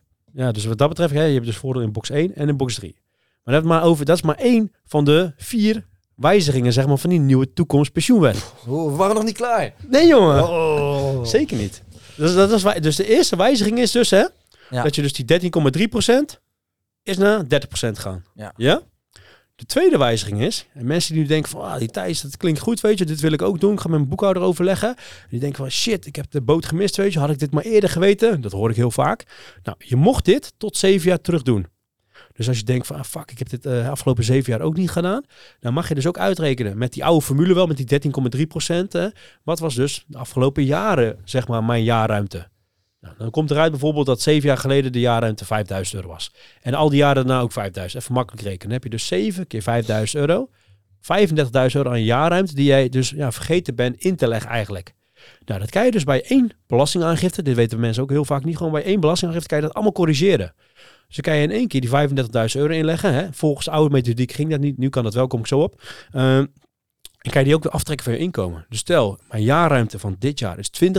Ik stort 20.000 euro, mag ik aftrekken van die ton winst. En stel, ik stort ook nog eens 35.000 euro uit het verleden. Dan kan ik 55.000 euro aftrekken. Nou, dan heb ik nog maar 45.000 euro over. Ben ik vrij arm in die box 1 en dan hoef je ook niet heel veel belasting te betalen. Dus heb je de jaarruimte uit het verleden, die kan je dus ook inhalen. Dat ja. nog tot zeven jaar terug. Met die nieuwe toekomstpensioenwet is dat tien jaar teruggegaan. Dus voor de wat oudere luisteraars die er toch luisteren en kijken, je kan tot tien jaar terug het inhalen. Ja? Dat is verandering 2. De jaarruimte uit het verleden, daar hebben ze een andere fiscale term voor. Dat heet reserveringsruimte. Dus als de mensen kijken en die denken, nou, dit klinkt heel interessant. Vraag gewoon aan je boekhouder of accountant. Je reken even mijn jaar en reserveringsruimte uit. En dan kunnen die dat uitrekenen. Je moet dit wel in één keer toepassen. Nee. Nee, mag je dit ook verdelen? Zeker. Want dan ga je kijken van oké, wanneer ga ik in die hoogste box zitten? Dan ga ik elk jaar hem gewoon snoepen naar de laagste box. Jij kan bij mij komen werken. ik heb een punt verdiend. Zeker. Dat is een stukje vermogensplanning, financiële planning. Hè? Ja. Waar verwacht je op uit te komen? Hoeveel gaan we storten om weer in die laagste box te komen? En dan kan je dan een beetje verspreiden. Zeker, dat kan een mogelijkheid zijn. Het kan ook gewoon, uh, je kan ook gewoon in één keer alles storten, heel laag uitkomen. Stel je hebt kinderen, zoals ik, dan gaat je kind gebonden budget omhoog en zo. Dat is weer een heel uh, echt. Soms, sommige dingen zijn best wel gek, zeg maar, in Nederland geregeld. Wat gaat er dan omhoog? Nou, kijk, als je toeslagen, we hebben in Nederland hebben www.toeslagen.nl en je kan oh, diverse toeslagen krijgen. Huurtoeslag, zorgtoeslag. Nou, die, ik heb geen huurwoning en zorgtoeslag krijg ik ook niet. Uh, maar je hebt, ik heb wel een, een, een, dochter van twee, dus je krijgt kindgebonden bed, kindgebonden budget, kinderopvangtoeslag, uh, kinderbijslag, et cetera. Een kindgebonden budget, een van die drie voorbeelden, uh, is een beetje krom geregeld. www.toeslagen.nl, die kijkt naar jouw toetsingsinkomen. En dat is jouw inkomen, je winst, min alle aftrekposten. En wat overblijft, dat gaan ze op toetsen. Dus stel, ik heb een ton winst, maar ik zou bij wijze van spreken 55.000 euro storten. Ja, dan heb ik maar 45.000 euro verdiend dat jaar. En dan hup, vliegt mijn kindgebonden budget omhoog. Dan krijg ik dat ook nog eens weer terug. Mm. Oh, ik heb een keer zelfs doorgerekend uh, dat in mijn geval zou eigenlijk bijna 51, 52% betaald worden door de overheid. dus heb ik helemaal doorgerekend doordat er kindgebonden budget bij komt. Doordat ik zeg maar, ik stort naar mijn pensioenbeleggingsrekening. Mijn winst gaat omlaag of mijn DGA-loon eigenlijk gaat omlaag. Daardoor gaan mijn kindgebonden budget omhoog. Ik hoef hier geen box 1 belasting meer over te betalen. Ik heb ook box 3 vrijstelling. Ik heb het helemaal doorgerekend. Kan ik ongeveer op 52% wordt eigenlijk betaald door de overheid, zeg maar, met pensioenbeleggen. Zo. Dus dat is ook nog. Uh, dus als je hè, denkt van nou, ik ben een DGA en ik heb kinderen. Als je maximaal gestort dan ga je zien dat die ook nog eens omhoog vliegen, kindgebonden budget. En als kindgebonden budget, is eigenlijk hoe laag je inkomen is. Dat is ook logisch. Als werknemer zijn. Zeker Ehm, dan krijg je dus ook als zijn meer toeslag. zeker ook als ZZP. Het gaat gewoon om jouw toetsingsinkomen, jouw box 1 inkomen. Dat nou winst of winst en, of tegen Wat voor bedrag gaat dat? Van, van hoeveel tot hoeveel kan het verschillen? Zeg maar? Gaat het om 500 of 1500? Nee, bij mij is het, uh, hoeveel is het joh? Wel een paar duizend euro hoor. 5000 ja, of zo volgens mij. Uh... Per, jaar of per maand Per jaar, per jaar. Nee, niet per, maand. Dan neem, dan neem, ik nog een uh, kleinere erbij. Ja, daarom, ik wou net zeggen. Ik dacht dat we maanden een beetje rekenen, maar per jaar. Nee, per jaar, per jaar is dat dan zeker. Maar dan vliegt hij wel gewoon omhoog. Ja. Krijg je dat per jaar gestort of per maand gestort? Per maand krijg je het gestort of per kwartaal. Ik weet eigenlijk niet eens. Per maand Maar krijg je dat niet, dan krijg je dat vooraf voor een jaar, wordt dat ingeschat, krijg je dat geschat en aan het eind van het jaar wordt het rondgerekend? Correct, er wordt altijd gecorrigeerd. Ja. Dus je moet wel zie ik bij mijn zorgdagstoeslag ook. Daar kreeg ik ineens, voelde ik zo'n vinger in mijn reet. Ja, klopt. Heel weinig mensen weten dat dus. Ja, dat zal wel liggen aan het feit dat ik ook een ezel ben. Ik had het in de story gezet ook. ja, is er iemand van jullie die gestopt met studeren, nu begint met werken of geld aan het verdienen is met zijn ondernemen, gewoon nog zijn zorgtoeslag aan het vlammen is? Want aan het eind van het jaar ga je gewoon uh, 15, 1600 euro op de rekening krijgen van ja, terugbetalen. Maar je bent veel te veel geld aan het verdienen. Of je moet zorgen, hè, flink pensioen beleggen. En dan kom je onder die 43.000 euro was volgens mij of zo, dat je per jaar samen mag verdienen. En dan mag je het weer wel krijgen. Ja. Dus dat, dat zijn leuke dingen, zeg maar, altijd een beetje rekening mee kan. Kan een beetje spelen. Uh, hoe kwam ik hier nou ook? Oh ja, dus je, het was zeven jaar terugwerkende kracht wat mag, maar het mag nu met tien jaar terugwerkende kracht.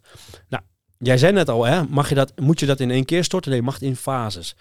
Dat is gelijk de derde verbetering bij de, uh, van de toekomst pensioenwet, zeg maar. Stel je had dus een, een, reserveringsruimte van de afgelopen zeven jaar of afgelopen tien jaar, maak even niet uit, van 35.000 euro. Dan mocht je volgens de oude regels daar 8.065 euro per jaar van inhalen. En dus stel ik had een jaarruimte van 20.000, dan mocht ik die inleggen.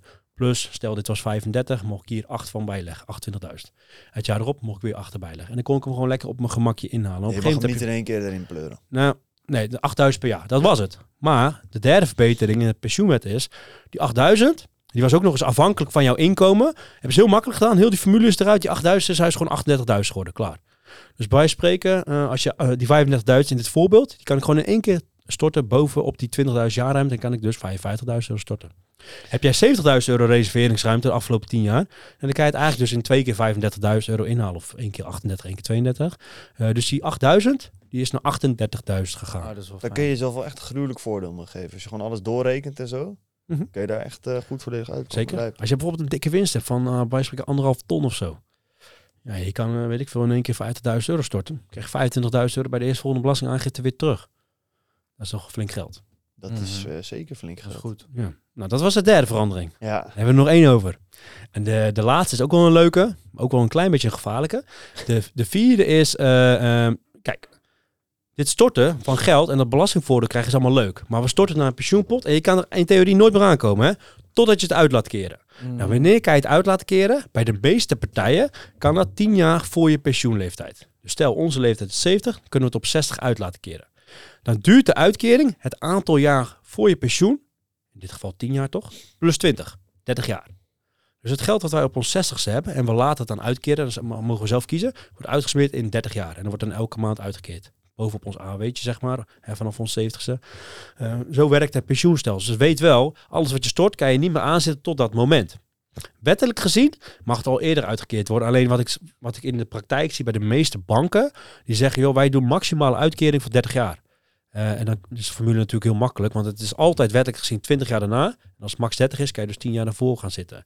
Ik weet bijvoorbeeld uh, Regiobank, een van die banken, die uh, bij hun is het 35 jaar. Dus bij hun kan je het op 55 al eventueel uit laten keren in 35 jaar. Ja. Maar bij een verzekeraar kan je het bij spreken morgen al uit laten keren. Echt, dit is echt iets wat de mensen heel vaak de fout mee ingaan. En dan krijg als ik hier een story over plaats of zo, krijg ik altijd zoveel reacties op van ja, daar klopt geen reet van.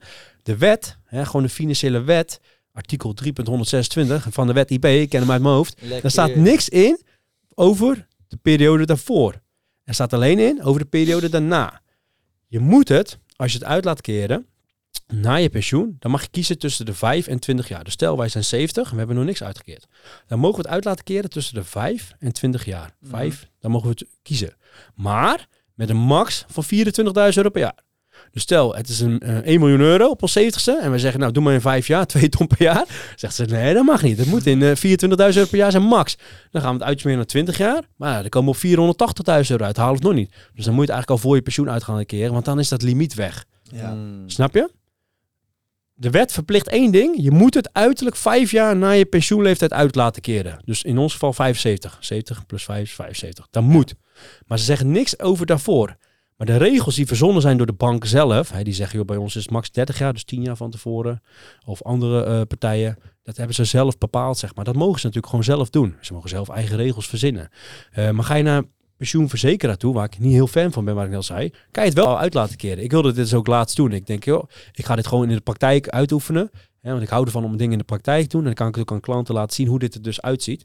Zeker naar de Goudse toe. Goudse was het. Ik zeg, joh, ik heb wat geld staan bij mijn uh, brand new account, pensioenbeleggingsaccount. En dat wil ik, en dat kan. Hè. Je kan gewoon switchen van hm. account als je het uit laat keren. Dus het opbouwen doe je vaak bij één partij. Het uitkeren kan ook bij diezelfde partij. Maar je kan ook switchen. Maar je kan dan ook met dat vermogen switchen naar andere partijen die een hogere rente geven. Want als het uitgekeerd wordt, haal, wordt het uit die beleggingen gehaald komt het op een spaarrekening. En het kan zomaar zijn dat uh, bij een D 3% geeft, de goudse 2% en de andere partij 4%. Ja, dan zet ik het gewoon bij die andere neer bij 4% natuurlijk. Dat kan. Je kan dus switchen zodra je het uit laat keren. Dat kan je gewoon doen. Weet je, independent.nl ken je wel toch? Die uh, vergelijkingssites. Nou, je hebt dus ook Moneywise live rente vergelijken. Dan kan je gewoon zeggen, joh, ik heb dit aan geld staan. Ik wil het vanaf dan uitgekeerd krijgen. En dan zeggen zij, joh, dan gaan zij vergelijken. Oké, dan moet je die pakken. Dan heb je de hoogste rente. Zo, Dat kan. En je kunt dus, want ik bijvoorbeeld bouw nu op in Brand New Day. Ja. Ik kan dat dus gewoon wisselen, dat hele bedrag naar een andere partij. Mm. Je kan dit. Tijdens de opbouwfase kan je het ook wisselen. Dat kan met overstappen. Er zijn vaak wat kosten aan verbonden. Ja. Maar als je het uit laat keren, dan kan het altijd naar een andere partij. Opbouw kan eventueel ook al, maar met kosten. En bij Brand New Day kan dat 30 jaar. Bij Brand New Day is, als je het uit wil laten keren, is de uitkeringsduur maximaal 30 jaar. Ja, precies. Dus dat is dan 10 jaar voor mijn pensioen en 20 daarna. Correct. Want je kan max 10 ervoor pakken. Correct, ja. Oké, clear. Correct. In hun geval wel, zeg maar. Ja, ja precies. Regiobank kan je dus 15 jaar van tevoren, plus 20 is 35 jaar.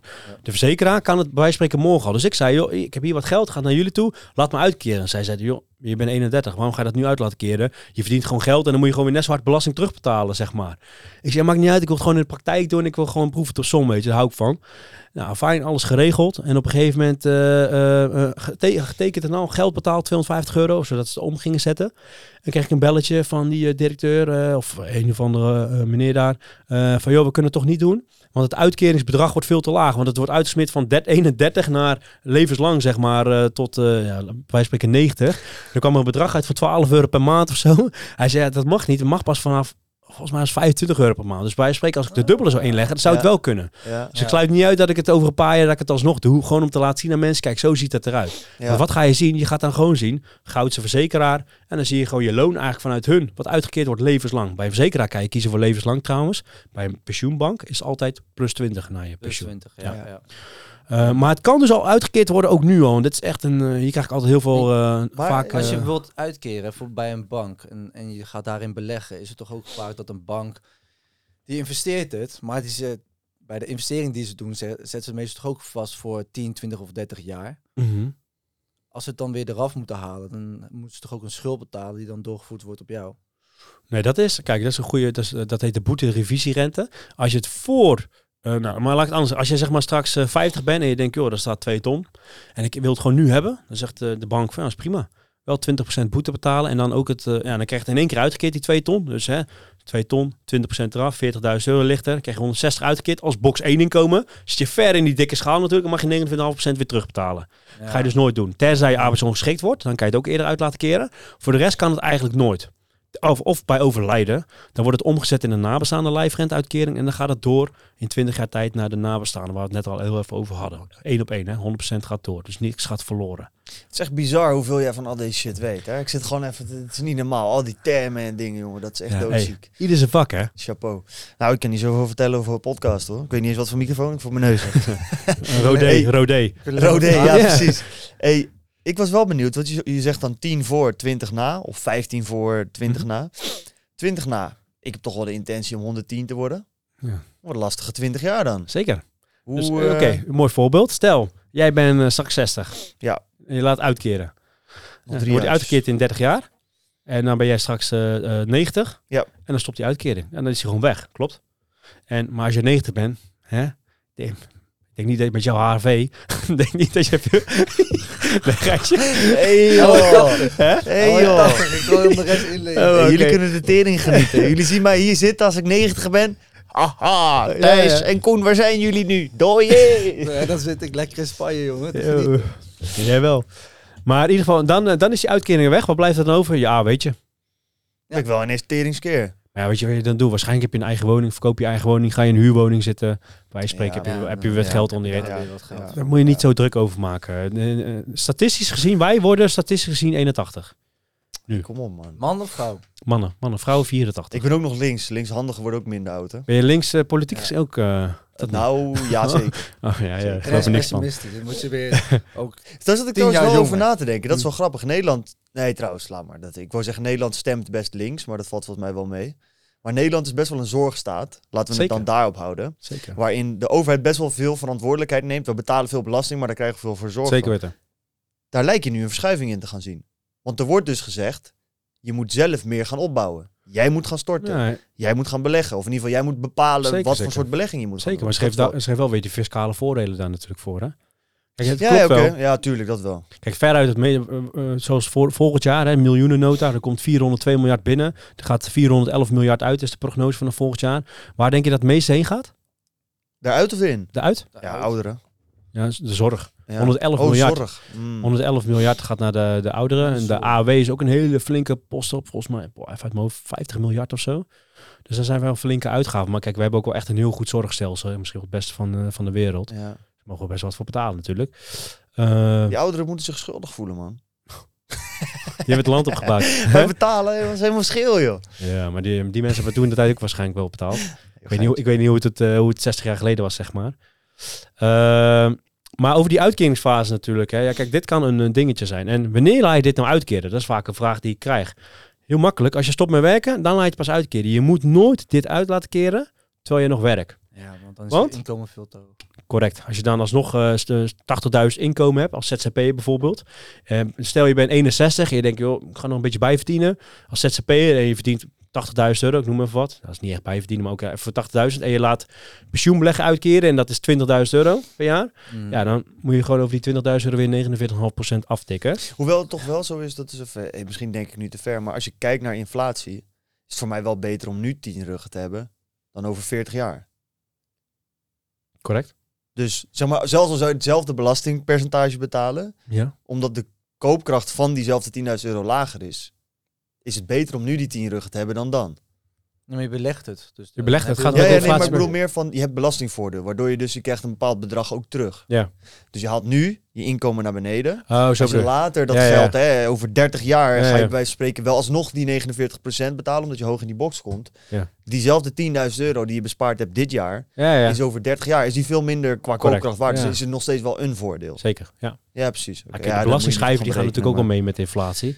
Eh, die gaan eh, gelukkig maar. Gelukkig maar, hè. Als die niet mee gaan, gaan dan uh, stel ons inkomen gaat wel mee met inflatie, maar die belastingschijf blijft zo. Er komen steeds meer in die hoogste loonschalen. Dat gebeurt eigenlijk ook volgend jaar. Daar komen we straks wel op. Oh jee. de volgende aflevering. Ja, Huh? zeker. Volgende aflevering. Ja. Maar- Eh, we hebben nu alle vier de punten, nog niet toch? Jawel, Ja, alle vier bro. punten. Maar we Ik moeten nog een paar dingen toelichten voor de volledigheid. Ja, eh. ik ben nog niet klaar. eh. Nee, ik moet een paar dingen voor de volledigheid toevoegen. Kijk, dus wanneer laat je het uitkeren? Als je stopt met werken. Dus als je op je zestigste eh echt het laat uitkeren, dan moet je ook gewoon stoppen met werken. En het kan zo zijn, hè, want ga even na. Wanneer wordt ons AW uitgekeerd? Vanaf ons 70ste, toch? Dus als we dit vanaf 60 uit laten keren, dan hebben we eigenlijk alleen maar die uitkering van die pensioenbeleg. Stel dat is 20.000 euro per jaar. Tot en met ons 70ste. Dan komt hè, die 20.000 euro per jaar, die blijft nog 20 jaar doorgaan. Dan komt de AW er bovenop. Bruto 12.000 euro per persoon, zeg maar. Plus eh, werkgeverspensioen eventueel. En dat zijn dan de drie pijlers weer, hè, die drie lagen. Zo heb je een goed pensioen. Kijk, voor alle ondernemers die kijken, ga eerst nou zorgen dat je een goed pensioen hebt. En ga dan pas nadenken over eerder te stoppen met werken. Weet je wel? Zorg eerst voor een goed pensioen en daarna eerder stoppen met werken. Alleen van je 60ste tot je 70ste heb je alleen maar dat, ja, dat, dat pensioenbeleggingsgetal zeg maar, wat binnenkomt, die 20.000 euro, in dit voorbeeld. Nou kan je tegenwoordig je werkgeverspensioen ook eerder uit laten keren. Kost je wel geld, maar het kan wel.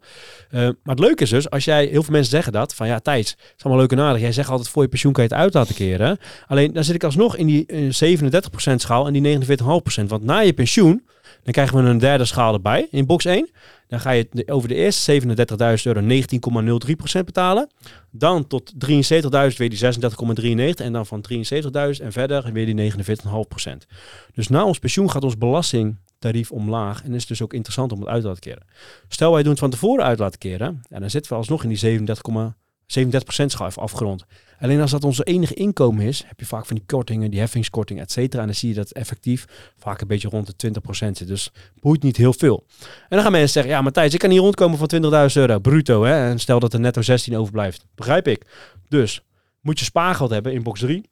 Of je moet geld hebben in box 2. En dan laat je dat uitkeren. Als maar geen box 1 inkomen is. Want dan moet je natuurlijk veel belasting betalen. Maar stel je hebt een paar ton in de BV staan. Keer je dividend uit bijvoorbeeld.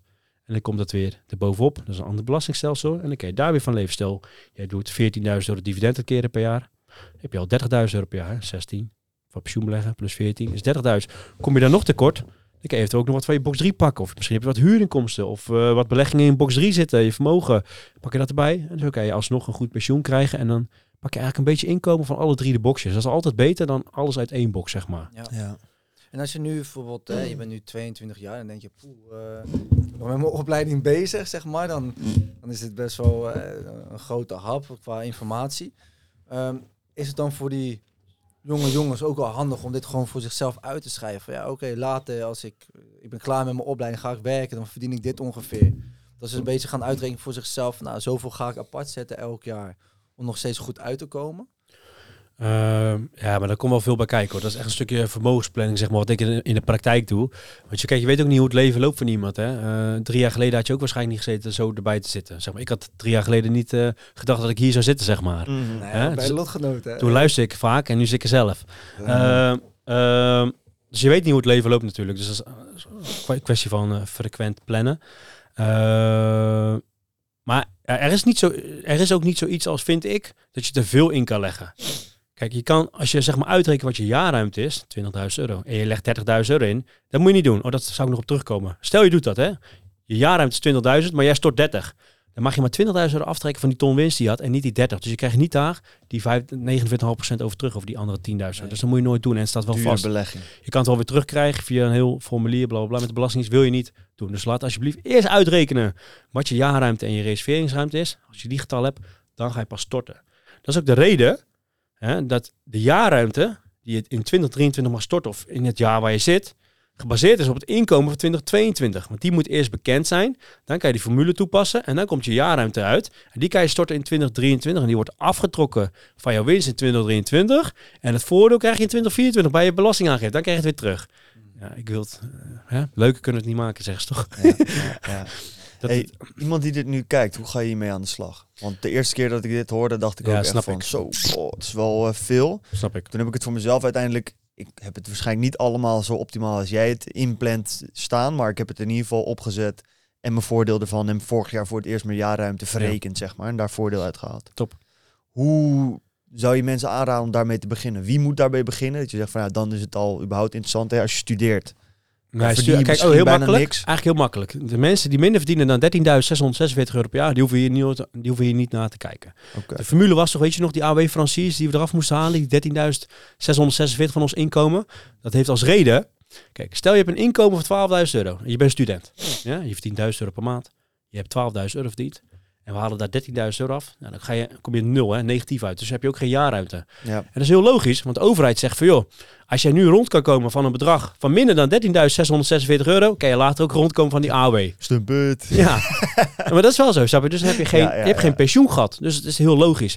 Dus iedereen die nu kijkt en minder verdient dan 13.646 euro, die hoeven hier nu nog niet naar te kijken. Mm. Ja.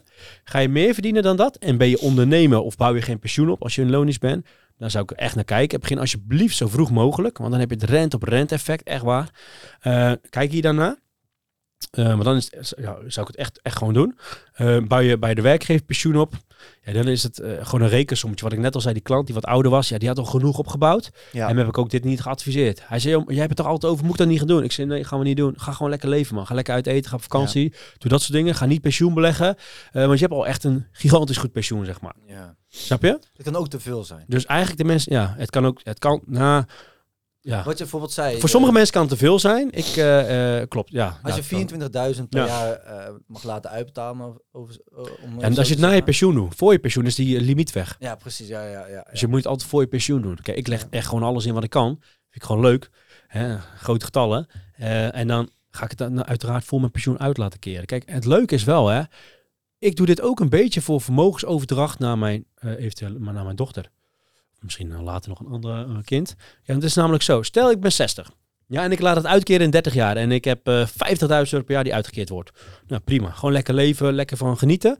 eventueel als ik overhoud, kan ik het nalaten aan mijn kinderen. Kan ik gewoon schenken natuurlijk, hè, tot 6.000 euro ongeveer. Ehm, maar stel, ik overlijd op, nou, laat zeggen 70 jaar of zo. Of, of nou, laten we 80 van maken. Ik overlijd op 80-jarige leeftijd. Dus ik heb er lekker 20 jaar van kunnen genieten. Ik overlijd. Dan gaat alsnog die resterende 10, uit, 10 jaren door naar mijn partner als die er is. En anders alsnog naar mijn dochter. Het is niet dat het weggegooid geld is. Ja, je kan veel te veel pensioen hebben. Maar als ik veel te veel tegen die tijd heb, joh, dan ga ik genieten of alles doorschenken met de warme hand mhm. naar mijn kinderen, zeg maar. Dus, en ik heb wel het belastingvoordeel gepakt. Ja. Maar kijk, dat is als je, uh, als je het kan missen ook. Hè? Kijk, niet iedereen kan even zeggen, ik stort even 20.000 euro per jaar, zeg maar. Nee, dat is... Snap je? Dus uh, dan is, wat ik net al zei, toch eerst voor een goed pensioen. Ga dan kijken of je iets eerder kan stoppen. En als er nog genoeg middelen zijn, dan kun je gewoon maximaal storten, belastingvoordeel pakken, ja. box, 3, box 3 besparen, box 1 besparen. En later, als je uit dat keren, nalaten bij de kinderen. Uh, maar ja, hou wel altijd rekening mee dat je niet in die hoogste belastingsschaal komt. Dus ja, ja. er zijn wat knoppen aan, aan wat je moet draaien. Je hebt wel te veel gestort, vind ik, als je echt weer tegen die tijd in de allerhoogste belastingsschaal komt. Ja, uh, ja dat. En je stort zelf dan bij Brand New Day. Dat heb je volgens mij in de eerste aflevering ons ook. Ja, ik gebruik je nog steeds? Ja, tuurlijk. ik zit sinds 2017 bij Brand, Brand New Day. was een van de eerdere partijen. En, uh, en ik, ik doe dit al best wel even sinds 2017. Ik heb ook al heel mijn reserveringsruimte benut. Dus ik ben helemaal bij, zeg maar. Ja. Uh, dus ik doe dat inderdaad daar, ja. ja. Jij ook toch? Ja, zeker. Ja, ja we nou, sinds, uh, sinds vorig uh, jaar. Ja, ja, ja. Dus uh, geen omkijken meer naar. Het voor, voor een voordeel is dat je kan automatiseren. Ja. Kijk, maar dan moet je dan, wat jij doet, bijvoorbeeld een, een bedrag per maand, is prima. Ja. Als je maar weet dat je jaarruimte hoger uitkomt. En heel eerlijk. Ik doe nu 50 euro trouwens. Ah, Oké, nou kijk, maar met die nieuwe regeling, die 30 procent. Snap je? goed komen. Als zij een winst hebben van 20.000 euro nu. Dan hou je daar 13.000 af. Dan hou je 7.000 over. 30% van 7.000 is 2100 euro. Dat is bijna, en dat is meer dan 150 euro per per maand. Dus hè, voor degene die luistert weet van oké, okay, mijn winst is hoger dan 20.000 zeg maar. Hè, en dat moet je even die aftrekposten natuurlijk uh, moet wel verrekend worden. Dus alsjeblieft even door de boekhouder laten doen. Ja. Um, dan weet je al dat je goed zit bij spreken met 100 of 150 euro per maand. Uh, en wat ik dus doe, ik doe eigenlijk exact wat jij doet. Een x bedrag per maand. En aan het einde van het jaar stort ik het restant gewoon bij. Ja, precies. Als je het een beetje goed balanceert, hoef je ook niet aan het eind van het jaar ineens een hele grote hoeveelheid geld te storten. Correct, maar kijk, ik ben DGA, dus ik heb gewoon een bepaald loon. Dat is gewoon steady. Dus bij spreken kan ik ook gewoon mijn maandbedrag gewoon nog gelijk goed zetten op de euro nauwkeurig.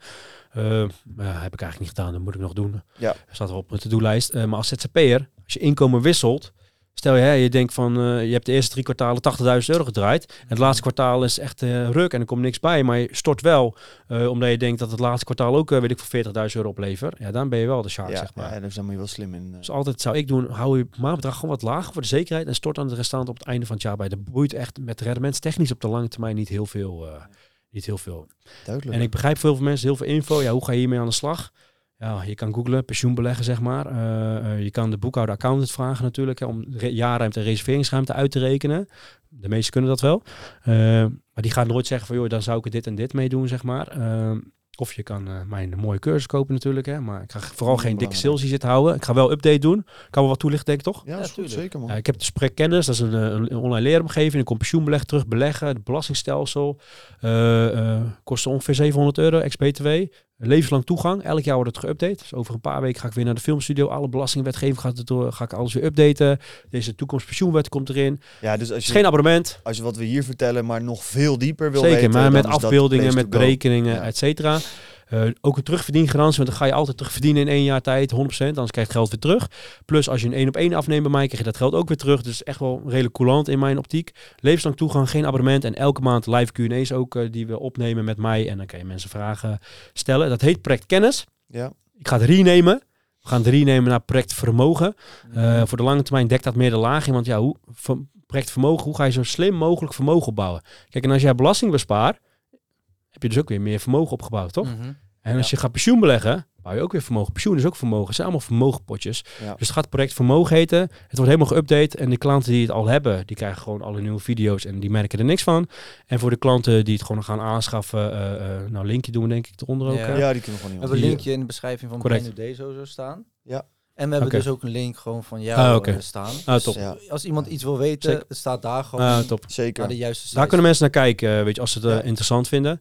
Uh, daar wordt gewoon alles in verteld. Cool. Ja, man. Duidelijk man, dat... Uh... Hebben we alles gehad volgens mij wel, uh, wat betreft een nieuw En een heel belangrijke voor mensen, wat voor mij in ieder geval wel fijn was. Jij leert mensen fucking veel. Heb vooral niet het idee dat je alles hoeft toe te passen.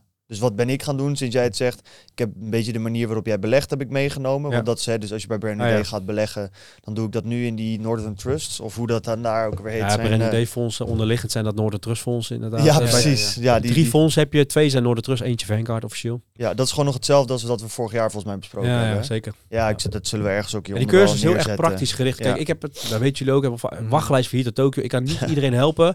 Dus in die cursus heb ik gewoon alles gegeven wat ik wil. Je kan gelijk mee aan de slag. Je kan alles doen wat ik ook tijdens een één op één doe.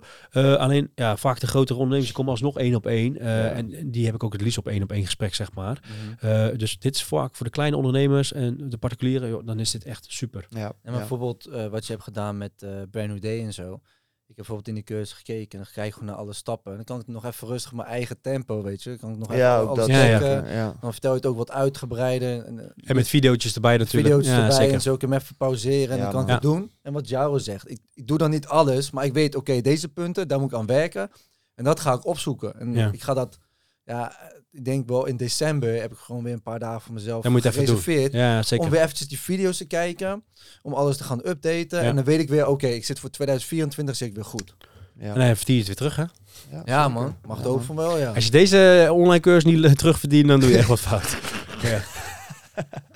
Dan, uh, dan uh, ja, laat maar, dat weet ik niet. we hebben nog een mooie korting van de, de rekening van Brandy Day erbij. Die hoef je niet te betalen. Dat is normaal volgens mij 50 euro of zo, 45 euro. Dus je kan alleen maar besparen met deze aflevering. Dat is niet normaal. Echt fantastisch. Tijdens altijd als jij komt, wordt er weer geld verdiend. Oh, heerlijk. Daarom mag ik elke keer komen, zeker. exact. Ja, dat is hetzelfde als verdienen. ik hoop dat mensen er wat aan hebben gehad. Uh, het is natuurlijk vrij uitgebreid. En, uh, en ja. dit, zijn, dit is de wetgeving in het heden. En het, ja, het wordt wel eens aangepast. Alhoewel die pensioenwet, dat is echt 15 jaar geduurd. Hoor. Belasting wordt elk jaar aangepast. Pensioenwet is nu wel... 15 jaar heeft dat geduurd. Dus dit is denk ik wel vrij steady, zeg maar. Dat het niet volgend jaar weer heel anders zal gaan worden. Denk ik, hè. ik weet het natuurlijk ook niet zeker. Nee. je weet het nooit daar in Den Haag. Knalligant op. En volgende week gaan we het hebben over? Over belasting in het algemeen en alles wat bij Prinsjesdag uh, er weer uh, doorheen gevlamd. Want wat, Thijs heeft net al een tipje van de sluier gegeven. We hebben het nu gehad over de lagen van een pensioen opbouwen. Maar dan heb je ook nog box 1 voor belasting, box 2 voor belasting, box 3 voor belasting. Erfbelasting, schenkbelasting. Box 3, is uh, achter de, de, boerderij meegenomen door zijn kop geschoten. Dus daar is een hoop om te doen. Daarom zijn al die beleggers zo boos. Zeker. En in 2 weet ik niet of er veel veranderd is. En in één worden we al Twee is ook veel veranderd. Twee is ook van alles is veranderd. Alles is op zijn kop. Zeker. Ja, dan, uh, dat is altijd een goede opfrisser en een nieuwe info voor de mensen. Dus zeker. dat, uh, ik heb zeker zin ook in die erfbelasting, man. Ik ben gewoon benieuwd wat daarin is. En zou ik wel tips ook delen, hoe je dat ook, want daar wordt ook erfbelasting is 3 miljard per jaar. Dus van de 400 miljard die binnenkomt is 3 miljard erfbelasting. Ja. Terwijl er echt zoveel methodes zijn om dat uh, uh, significant op laag te krijgen. En doodgaan is duur. Ja, en het meest interessante, je zei net vergrijzing. Zeker. Het wordt steeds belangrijk. En uh, ook al ben je zelf nu nog die student, ja, zeker. Hoor, ik zit nu ook te denken, ja, maar oma is nu alleen, weet je, van oké, die is nu ook daarmee bezig, toch? Ja, ja, ja. Maar die doet het samen met mijn moeder. Ik dacht ook, ja, luister, eigenlijk ben ik wel benieuwd hoe ik dat zelf ook het beste, slimste voor haar kan Koen is zo enthousiast dat hij de podcast nu gelijk begint. Ja, ja. maar mensen enthousiast kijken om de volgende... Kom maar zo. Vooral jezelf enthousiast. Ja, toch? Nee, top, Kom volgende week op terug. Volgende week uh, gaan we er... Hopelijk hebben jullie ervan genoten. En uh, ciao. Hoi.